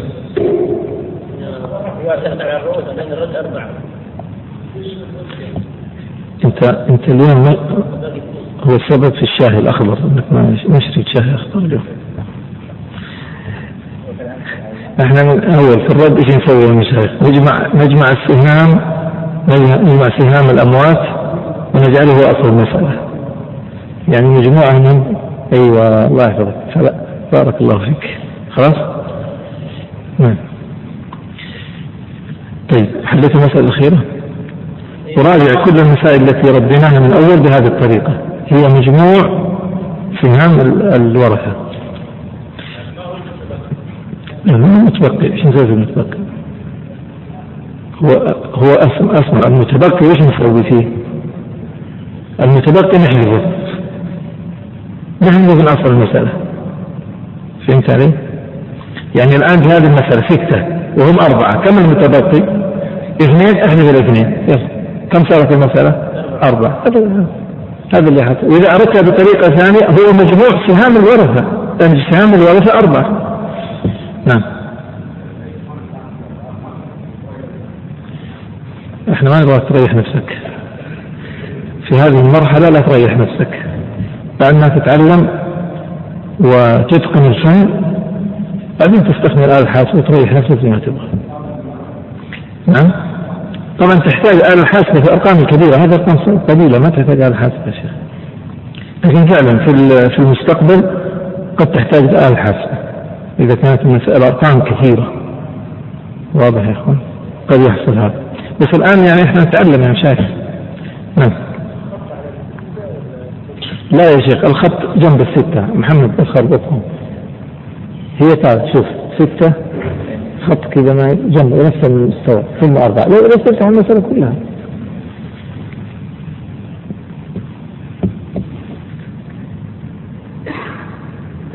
لا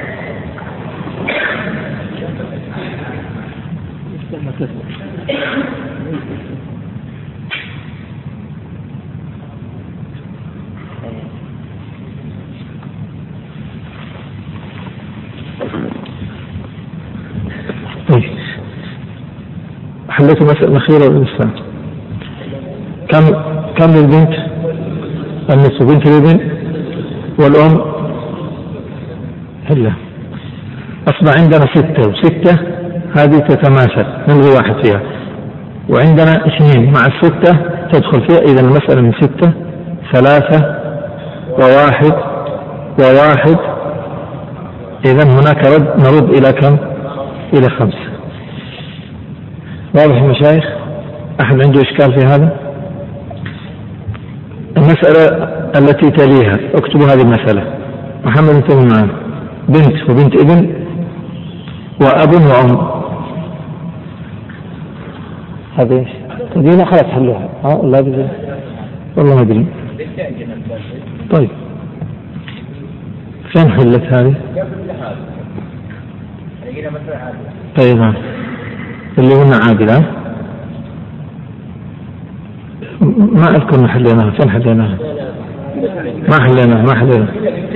لا لا لا. هذيك إيه هذيك بنتان وهذه بنت وابن ما شاء الله عليك. يعني ليست في الحل مثلها لكن هي ليست مثلها في الحقيقة. ليست مثلها. طيب. ذاتها.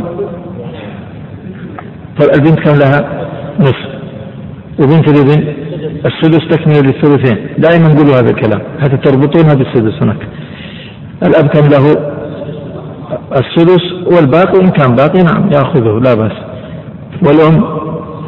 السدس. المسألة من كم الآن؟ لاحظ الآن. كم؟ ستة عندنا. ثلاث ستات. فتتداخل هذه. هذه متماثلة. متماثلة. فنلغي اثنين منها ونحتفظ بستة واحدة. إيش مع الستة. اثنين. الاثنين تدخل في الستة؟ صحيح هذا ولا لا؟ إذا الأصل كم؟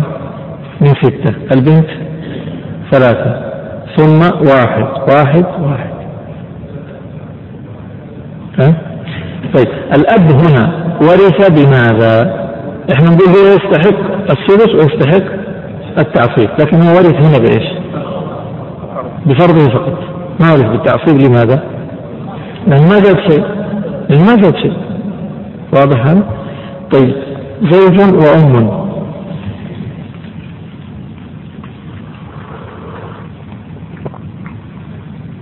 لا تنسوا الآن أننا جالسين نحل مسائل إيش؟ المسائل التي أصلها كم؟ ستة.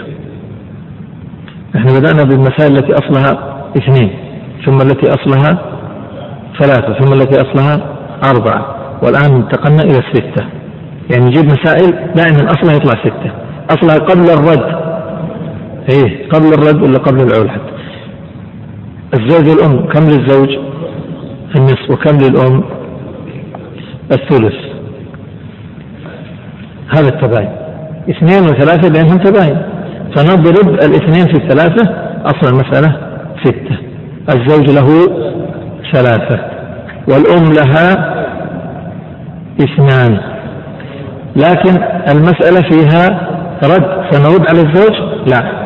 نرد على الأم. إذا نعطي الأم ثلاثة. ثلاثة. يعني سنعطيها واحد زائد صارت إيش؟ يعني مجموع مال الأم ثلاثة. طيب انتقلوا إلى زوج وأب وأم. زوج وأب وأم. هذه ما حليناها هذه؟ والرواية ما حليناها؟ حلينا الزوجة الأب طيب. زوج وأب وأم. هذه إحدى الغراوين الثانية. الزوج كم له؟ النصف. والأب؟ لا ما سوس ليس إيه لا فرع وارث. إذا هو عاصب والأم كم لها؟ ثلث الباقي. إذا عندنا في هذه المسألة اثنين فقط. ولا أكثر؟ لا أكثر. عندنا اثنين وعندنا ثلاثة. أيوه الاثنين والثلاثة تصبح أصل المسألة من ستة. للزوج ثلاثة. وللأم ثلث الباقي. كم الباقي؟ ثلاثة. لا الباقي كله ثلاثة. ثلثه واحد. إذا لها واحد. معلش أنا يعني أمشي بالتفصيل حتى نعم يعني حتى لو كان يعني أحد مو منتبه أو مركز ينتبه. سيروا سيرة ضعفائكم. الأب كم له؟ اثنين. طيب زوج. وأم وأخ لأم نعم يا شيخ. كيف؟ لها ثلث الباقي. إيه. ثلث الباقي هنا. هذه إحدى غرامين الزوج والأم والأب أو الزوجة مع الأم والأب. هذه الغرامين طيب إيش قلنا الآن؟ زوج وأم وأخ لأم. ما شاء الله. نعم. زوج وأم وأخ لأم كم للزوج؟ النصف. وكم للأم؟ الثلث. وكم للأخ لأم؟ السدس. الآن انتبهوا معي. إيش الأرقام اللي عندنا؟ اثنين وثلاثة. اكتبها فوق ينفع بتجاور إيه. اثنين ثلاثة لا بأس. وستة. إيش اللي يحصل الآن؟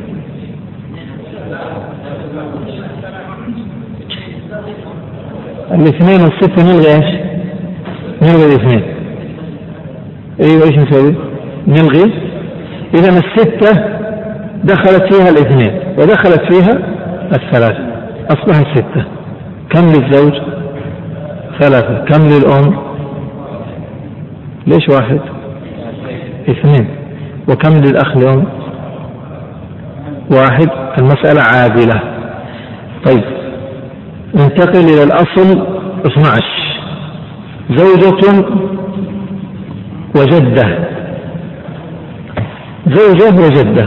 كم للزوجة الربع. وكم للجدة الجدة لها السدس. إذا إيش الأرقام اللي عندنا الآن. ستة وأربعة. إيش بينهما تماثل لا. تداخل؟ لا. بينهم توافق يتوافقان في النصف. كلاهما يقبل القسمة على الاثنين. إذا نضرب كامل أحدهما في وفق الآخر. يعني كامل الأربعة في, في وفق الستة وهي ثلاثة. إذا أربعة في ثلاثة ب 12 أو ستة في اثنين ب 12 معروف هذا. إذا المسألة من 12 كم للزوجة؟ الربع كم؟ ثلاثة. كم للجدة؟ اثنين كم باقي؟ باقي سبعة.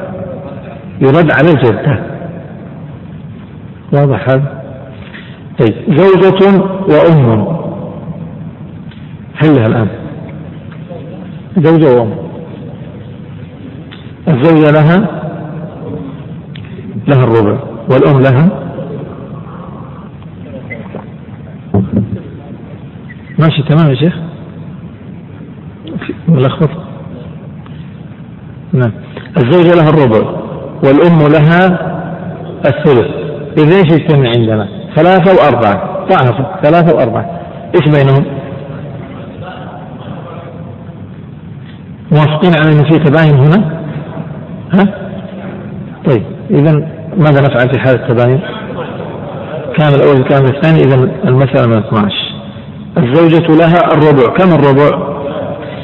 والأم لها الثلث. كم الثلث؟ أربعة. كم يبقى؟ خمسة يرد على على الأم. طيب. زوج وأب وأم وابن. لا زوج وأب وأم وابن. إيه. زوج له الربع لوجود الابن. والأب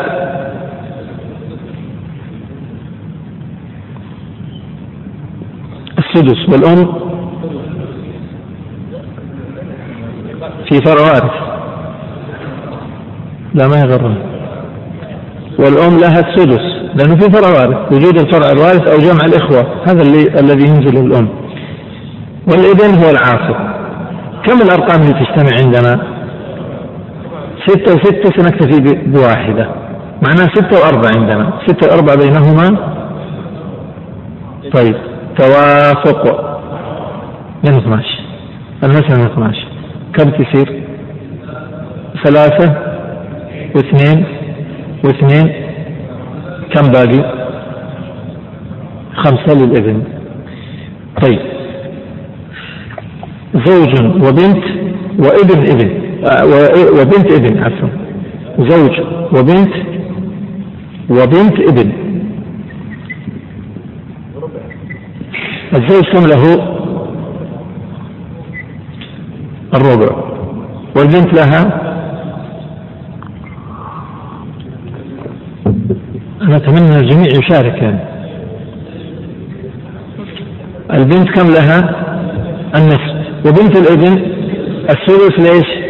تكملة للثلثين. طيب الأرقام اللي تجتمع معنا الآن انظروا فيها. إيش هي؟ أربعة. أو اثنين. طيب اثنين وأربعة شو ستة؟ إيش يحصل الآن؟ الاثنين تتداخل مع مين؟ مع الأربعة مع الستة. إذا شيل الاثنين. إيش بقي؟ بقي الأربعة والستة بينهما توافق.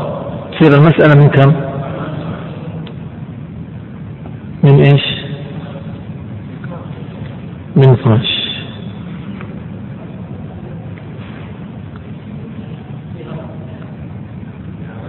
كم وزع الآن؟ ثلاثة وستة؟ وسدس اثنين. كم تصير هذه؟ 11 باقي واحد. الواحد يرجع على مين؟ يرجع على الزوج؟ لا طبعا. يرد على من؟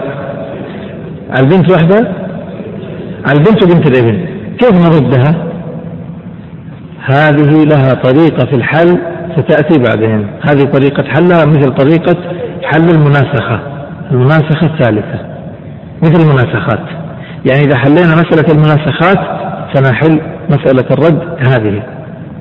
طيب إيش الفرق بين هذه وما سبق؟ ما سبق كان يرد على وارث واحد مع الزوج أو الزوجة. فكنا نعطيه كل الباقي. أليس كذلك؟ لكن هنا لا.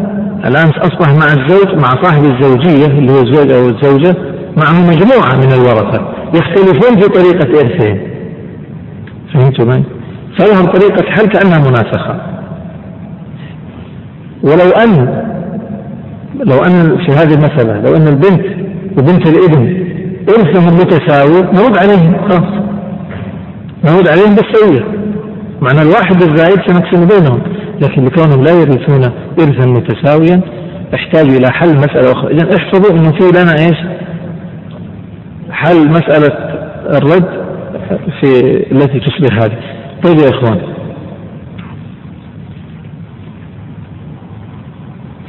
زوجة وأم وأخ لأم. نعم زوجة وأم وأخ لأم. زوجة. الزوجة كم لها؟ الربع. والأم؟ الثلث. والأخ لأم السدس كم مجموع الأرقام اللي, تتحصل الآن؟ ستة ثلاثة وأربعة. طيب ستة ثلاثة وأربعة. الصافي كم؟ الثلاثة ستدخل في في الستة. ألغيها. أصبح عندنا أربعة وستة. المسألة من 12 كم للزوجة؟ ثلاثة. وللأم؟ أربعة. وللأخ لأم اثنين. كم بقي؟ بقي ثلاثة. يرد على غير الزوجين بطريقة بطريقة المناسخة. طريقة تشبه المناسخة طيب آخر مسألة أو ما قبل الأخيرة. زوج وبنت وبنت. زوج وبنت وبنت. الربع وثلثين بنت وبنت. بنتين يعني زوج وبنتين. طيب. أصبح عندنا اثنين أو عندنا أربعة وثلاثة. بينهما تباين. أصل المسألة من 12 الزوج إيه نعم كان الأول الثاني. الزوج كم له؟ ثلاثة. والبنتان أربعة أربعة ثمانية. طيب أربعة وأربعة ثمانية. في رد هنا ولا ما في رد؟ الواحد نرد على مين؟ معلش لا لا تكتب أربعة اكتب ثمانية. ثمانية. طيب زائد واحد. هنا نرد ولا ما نرد عليه؟ طب ليش ما نحلها بالمناسخة بطريقة المناسخة لأنهم متساويين في الإرث. إذا سنعطيهم تسعة ونقسمها بينهم طبعا نحتاج إلى تصحيح ولا ما نحتاج؟ سنحتاج إلى تصحيح. كم أصل كم رؤوسهم؟ رؤوسهم كم؟ اثنين حطها في دائرة لأن التسعة ما تنقسم على اثنين. بأربعة ونص أربعة ونص في كسر. أيوه كمل. كمل. بس بعد 24 عشان لا تنزل التسعة إيه؟ كم للزوج؟ نفس الشيء اثنين في ستة. ثم تسعة وتسعة. 18 تسعة وتسعة. هذا التصحيح. طيب المسألة التي تليها.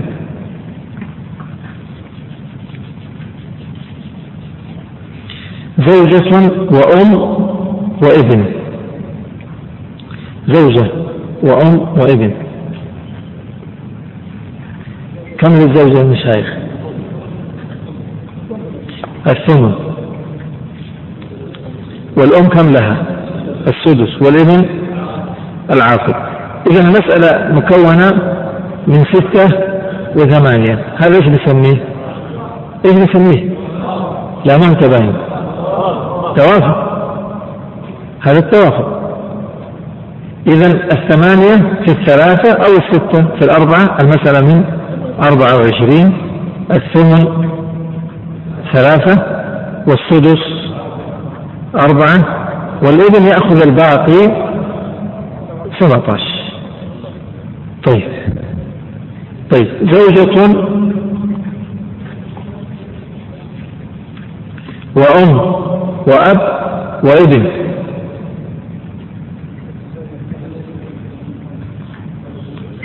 زوجة لاحظ الآن إحنا في الأصل كم صرنا؟ في 24 زوجة وأب وأم وابن. الزوجة كم لها؟ الثمن. والأب سدس. والأم سدس. والابن عاصب إيش الأرقام اللي تحصل عندنا؟ ستة وثمانية. هي ستة وستة وثمانية. فنكتفي بستة واحدة مع ثمانية توافق يعني أربعة وعشرين الثمن ثلاثة والسدس أربعة والسدس أربعة. يصير الباقي كم؟ ها؟ ثلاثة عشر. طيب يا مشايخ نقول زوجة وبنتان.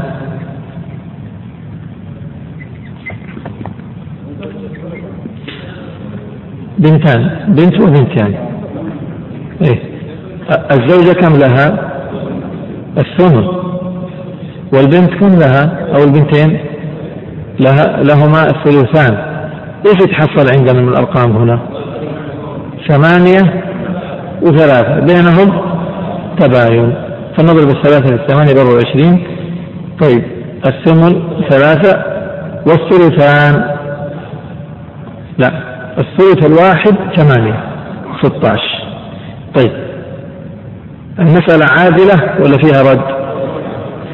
لازم كل مسألة تحلها تجمع السهام تتأكد إنها تساوي أصل المسألة حتى تعرف إنه في عول أو فيه رد أو هي عادلة. كم باقي الآن؟ خمسة. الخمسة فين نوديها؟ رد نردها على مين؟ نردها على البنتين. طيب ليش ردينا على البنتين مع إنهم أكثر من واحد؟ لتساويه. إذا نرد على من كان مع الزوجة أو الزوج إن كان واحدا أو كان أكثر من واحد مع تساوي الإرث. أما إذا كان أكثر من واحد والإرث مختلف فهذا له درس خاص ليس بصعب. سهل جدا لكن له درس خاص آه، يفصل فيه. طيب. خلاص ما في تصحيح. مثلا 24 ما راح نعدل لأنه إحنا الزائد أعطيناه للبنات. إذا تبقى أصلا المسألة كما هي. لكن لو كان لو كان ما في صاحب زوجية هي صحح أصلا المسألة نعدلها طيب يا إخوان نرجع مرة ثانية إلى صفحة 12 هذه مسائل اللي أخذناها. تعرفوا هذه أمثلة لإيش؟ أمثلة لسطر واحد وهو عدد أصول المسائل سبعة. هذا السطر أخذ الوقت هذا كله. طيب بعده إيش اللي بعده؟ نعم. الأصول التي التي تعود. الأصول التي تعود ثلاثة. الأصول التي تعود التي تعود منها ثلاثة أصول هي الستة تعود إلى كم؟ إلى سبعة وثمانية وتسعة وعشرة سنأخذ أمثلة على هذا إن شاء الله. الإثنى عشر تعود إلى كم؟ مكتوب أمامكم. 13 و15 و17 يعني تعول إلى السبعة بالأعداد الفردية لا الزوجية الأربع والعشرين تعود إلى كم؟ إلى سبع وعشرين هذا واضح يا مشايخ ولا غير واضح؟ غير واضح؟ المثال سيأتي إيش هو اللي غير واضح؟ إيه إحنا نقول الأصل ستة يعود إلين عشرة. فيعود إلى عشرة. كيف يعود ستأتي الأمثلة الآن تبين؟ الأصل 12 يعود إلى كم؟ فقط. الأصل 24 يعود فقط إلى 27 طيب نريد أمثلة أمثلة العول هذا. لكي نمثل للعول افتحوا صفحة 67 في المذكرة. الآن تحل في المذكرة خلاص. محمد ترتاح شوية. الله يحفظك. جزاك الله خير. عندنا مسائل الأول مكتوب كذا أمامكم؟ هي حلوة المسألة هذه. اللي أمامكم الآن. زوج مسألة رقم واحد. 67 صفحة 67 هيا مشايخ حلوها. الله يحفظكم. لا لا لا تحت نصف الصفحة مكتوب اثنين مسائل العول في منتصف الصفحة. وفي مسألة رقم واحد الزوج كم له؟ نصف. والأخت الشقيقة؟ نصف. والجدة؟ سدس. إيش أصل المسألة؟ كيف طلعت؟ اثنين واثنين تتداخل. طيب اثنين وستة تتداخل. إذا أصل المسألة من ستة. عبد العزيز حلها الله يحفظك. تقسيمها الآن. الستة. الزوج كم له؟ ثلاثة. الأخت الشقيقة كم لها؟ ثلاثة. الجدة كم لها؟ ليش ما لحظة لا. إيش كم لها؟ فرضا كم؟ سدس. أعطيها سدس. السدس حقها. ما من حق أحد يمنعها. هذا أمر فرضه الله. إذا كان لها؟ واحد. حصل التزاحم الآن.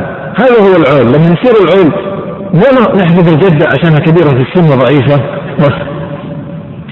نخلي الزوج والأخت الشقيقة. لا نحجبهم جميعا ننقصهم جميعا بنسب متساوية يعني بنسبهم. اللي له كثير سيخصم منه كثير واللي له قليل يخصم. وهكذا. إذا المسألة من ستة. وهم عددهم كم؟ أو سهامهم كم؟ سبعة. إذا نصحح المسألة نسوي خط مائل وجنبها سبعة. فهمتوا كيف؟ واضح كيف تكتبوه؟ ولا بدنا نكتبوه؟ لا مو في جدول في نفس الجدول. في نفس الخانة. في نفس الخانة. عندكم هذا ستة خليها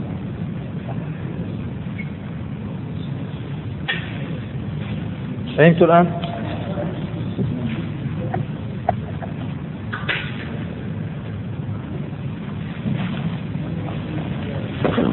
إذا التي تليها عرفنا إيش يعني ستة تعود إلى السبعة؟ طيب تعود أيضا إلى كم؟ في القاعدة هنا قلنا كم؟ بالله الله يحفظك يا محمد اكتب لي بس نبغى القواعد الآن الستة يصير بعدين بين معكوفتين سبعة ثمانية تسعة عشرة والاثنى عشر كذلك يعني طيب المسألة الثانية زوج كم له الزوج؟ النصف والأختان الشقيقتان ثلثين والأم السدس كم أصل المسألة؟ الاثنين تدخل في الستة والثلاثة تدخل في الستة. إذا أصل المسألة ستة. وضعنا ستة. الزوج كم له؟ ثلاثة. الأختان كم له؟ كم لهما؟ أربعة. أنا ما أبغى أبغاكم أنتم تحلوا حقيقة. أنا أبغاكم تحلوا أنتم وأنا أساعدكم. يعني أنتم تسبقوني بالحل. ثم تسمعوا حلي. طيب الأم كم لها؟ واحد. اجمعوا الآن السهام ثمانية. إذا تعول إلى ثمانية. تعود إلى ثمانية. إذا نسوي خط مايل ونكتب ثمانية. يا مشايخ إيش اللي حصل الآن إذا حولناها لثمانية حصل نقص لكل وارث ولا لا؟ تعرف ليش حصل النقص لكل وارث؟ لأن الزوج له النصف. وحقيقة إرثه الآن أخذ ثلاثة من أربعة. النصف كم من أخذ ثلاثة من ثمانية. النصف كم؟ النصف لو قلنا من الثمانية المفروض ياخذ أربعة. إذا ما أخذ النصف. نقص نصيبه عن النصف. لماذا؟ لأنه يتزاحم مع بقية أصحاب الفروض طيب الأختان الشقيقتان. لهما الثلثان. هم أخذوا أربعة من ثمانية يعني أخذوا النصف. ولهما كم؟ لهم الثلثين. إذا ما أخذوا الثلثين نقصوا عن الثلثين. إلى النصف. لماذا؟ بسبب التزاحم بسبب العول هذا. طيب. ال... نعم السدس للأم أخذت واحد من ثمانية أخذت ثمن طيب ننتقل للمسألة الثالثة. طيب. بالله أنت كل مسألة ننهيها حط دائرة عليها. إذا انتهينا من الستة كيف تعود السبعة؟ كيف تعود الثمان نعم. إيه. إيه إيه. لا أنا أقول لك لو عندنا أسمع مني لو عندنا مبلغ من المال سنقسم هذا المبلغ على ثمانية. على ثمانية. طيب أنت خذ الأسهل ما خير بين أمرين إلا اختار ايسرهما ما لم يكن اثما نقسم على ثمانية. فيظهر ها كل قيمة كل سهم. ثم ننظر في الأول كم سهم له؟ ثلاثة إذا يأخذ ثلاثة أسهم. يعني خلينا نقول التركة ثمانية آلاف. هب أن التركة ثمانية آلاف.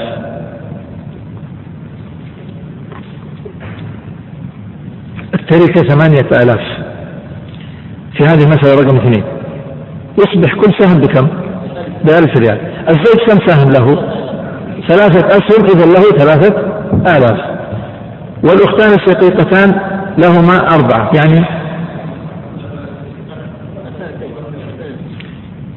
الأخت السهم بكم قلنا يا إخوان؟ بألف. الأختين لهم أربعة أسهم يعني كم ألف؟ والأم لها سهم واحد خلاص؟ واضح هذا.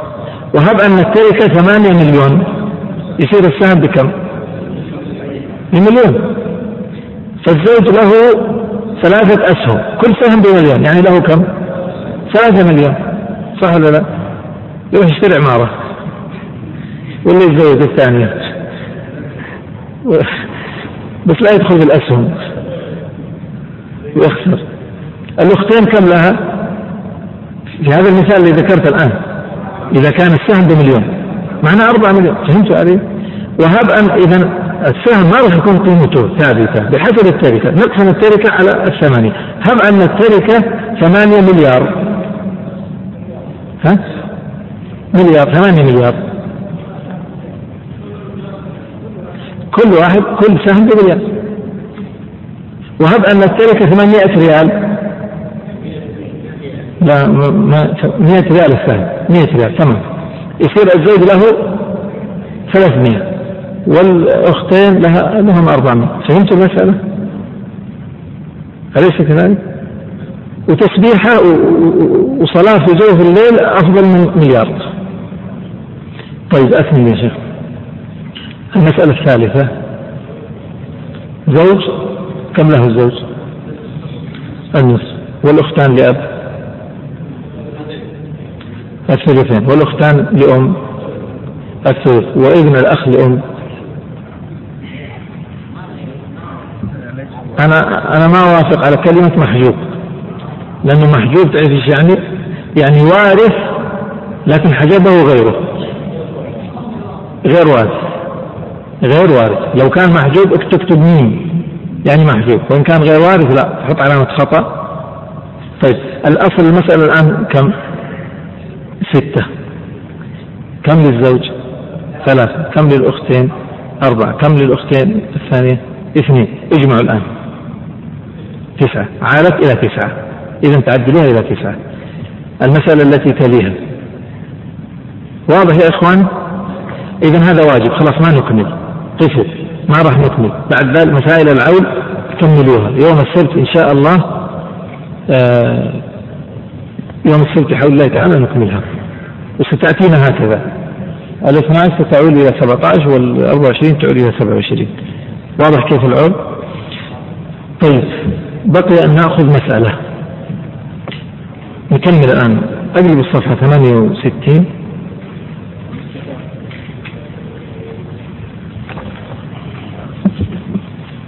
الايش الانكسار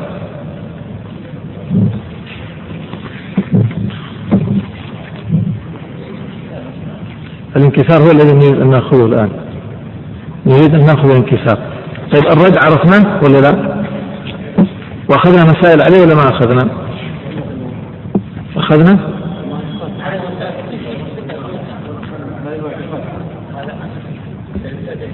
أخذنا مسائل على الرد ولا ولا ما أخذنا؟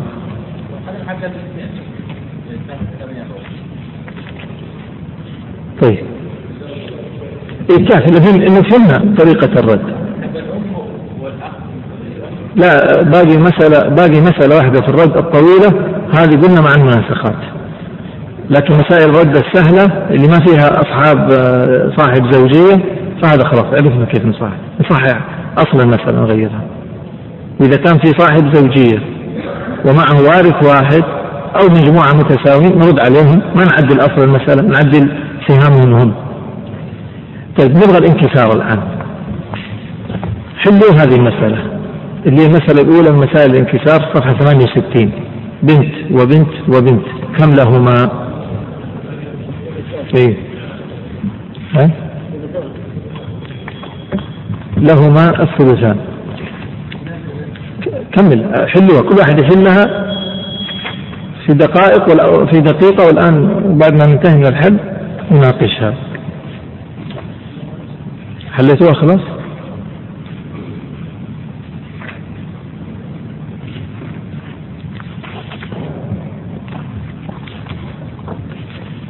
طيب كم أعطيت البنتين البنات؟ الثلاث البنات.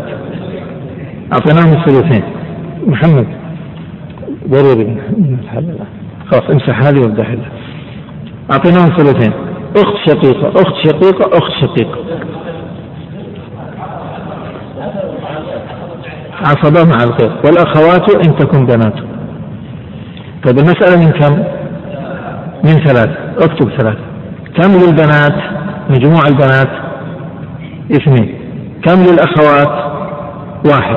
الآن لاحظوا هل الاثنين نصيب البنات؟ ينقسم عليهن؟ ما ينقسم. ينقسم بكسر. ما نبغى الكسر. طيب هل الواحد ينقسم على الأخوات؟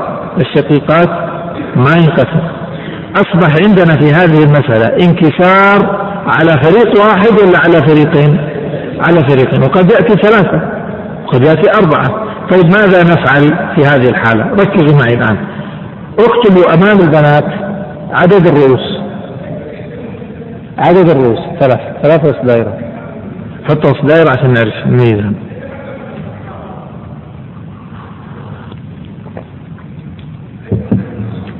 عدد الرؤوس كم؟ ثلاثة. ننظر الآن بين النصيب وبين الرؤوس. ننظر بين النصيب وبين الرؤوس. إيش بينهم؟ بين النصيب وبين الرؤوس. حط النصيب في دائرة أيضا. نصيبهم اثنين ورؤوسهم ثلاثة. ننظر بينهما بأي نسب؟ نسب الأربعة. بنسبتين بالتوافق والتباين فقط. طيب الآن إيش بينهما؟ تباين. إذا إذا كان بينهم تباين نثبت كامل الرؤوس. إذا نثبت كم؟ ثلاثة. طيب ننتقل للي بعدها. واحد النصيب واحد. والرؤوس ثلاثة. إيش بينهم؟ تباين. في حال التباين سنثبت كامل الرؤوس.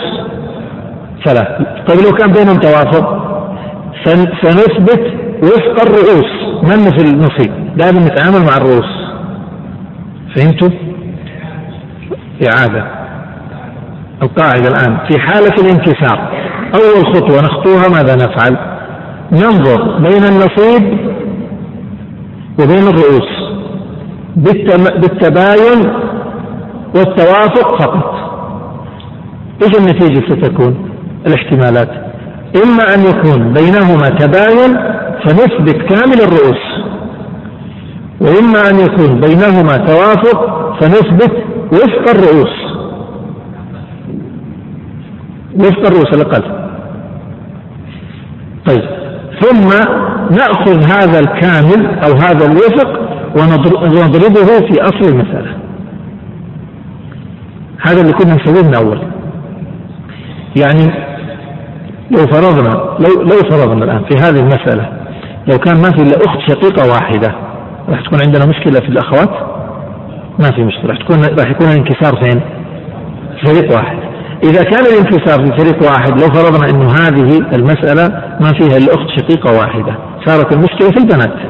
فماذا نفعل؟ ننظر بين النصيب اثنين وبين الرؤوس ثلاثة بالتباين والتوافق إيش اللي بينهم؟ تباين. فنثبت ماذا كامل الرؤوس هو الثلاثة. ونأخذ هذه الثلاثة ونضربها في أصل المسألة. ولو كان بينهم توافق نأخذ وفق الرؤوس ونضربه في كامل المسألة. فهمتوا القاعدة؟ طيب. ما انتهينا. إذا كان الانكسار في فريقين مثل ما هو معنا الآن. ماذا نفعل؟ أول خطوة ننظر بين النصيب اثنين والرؤوس ثلاثة إيش بينهم؟ تباين. سنثبت ماذا؟ كامل الرؤوس اللي هو ثلاثة أثبتناه.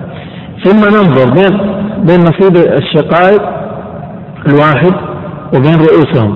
كم رؤوسهن؟ ثلاثة تباين. إذا سنثبت إيش أيضا؟ كامل الرؤوس. إذا راح تكون عندنا هنا رؤوس. كم رقم الآن طلع عندنا؟ ثلاثة ثلاثة ننظر بين هذه النواتج بالنسب الأربعة. بالنسب الأربعة. إيش اللي سينتج عندنا من هنا؟ سينتج تماثل إذا سنقتصر. كذا طلع خط من هنا ها؟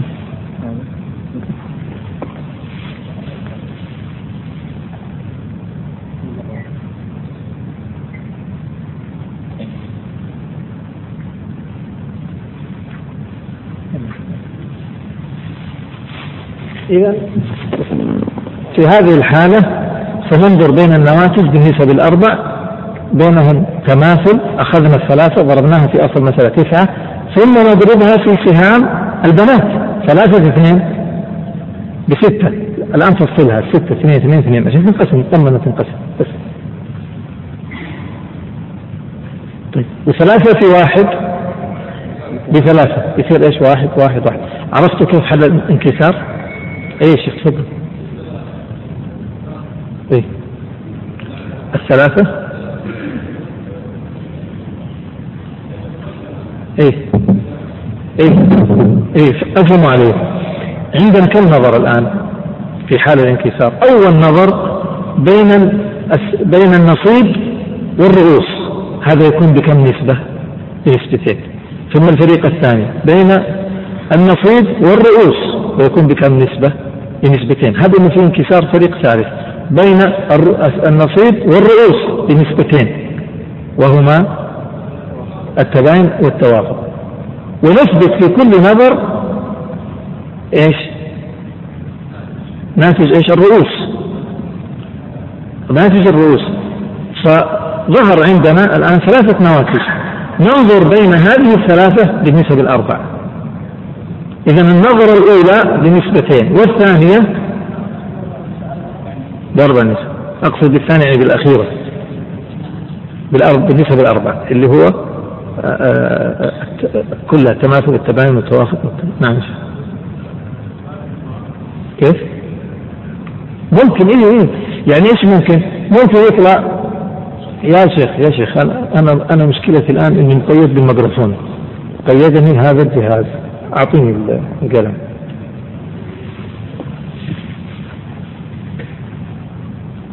لو كانوا أربعة لو فرضنا هذه في أخت شقيق إيش راح يكون؟ صارت أربعة بالصحيح يكون أربعة وثلاثة. بفرنس إذا راح نضرب المسألة بفرنس فهمتوا الآن؟ ولو فرضنا إن هذا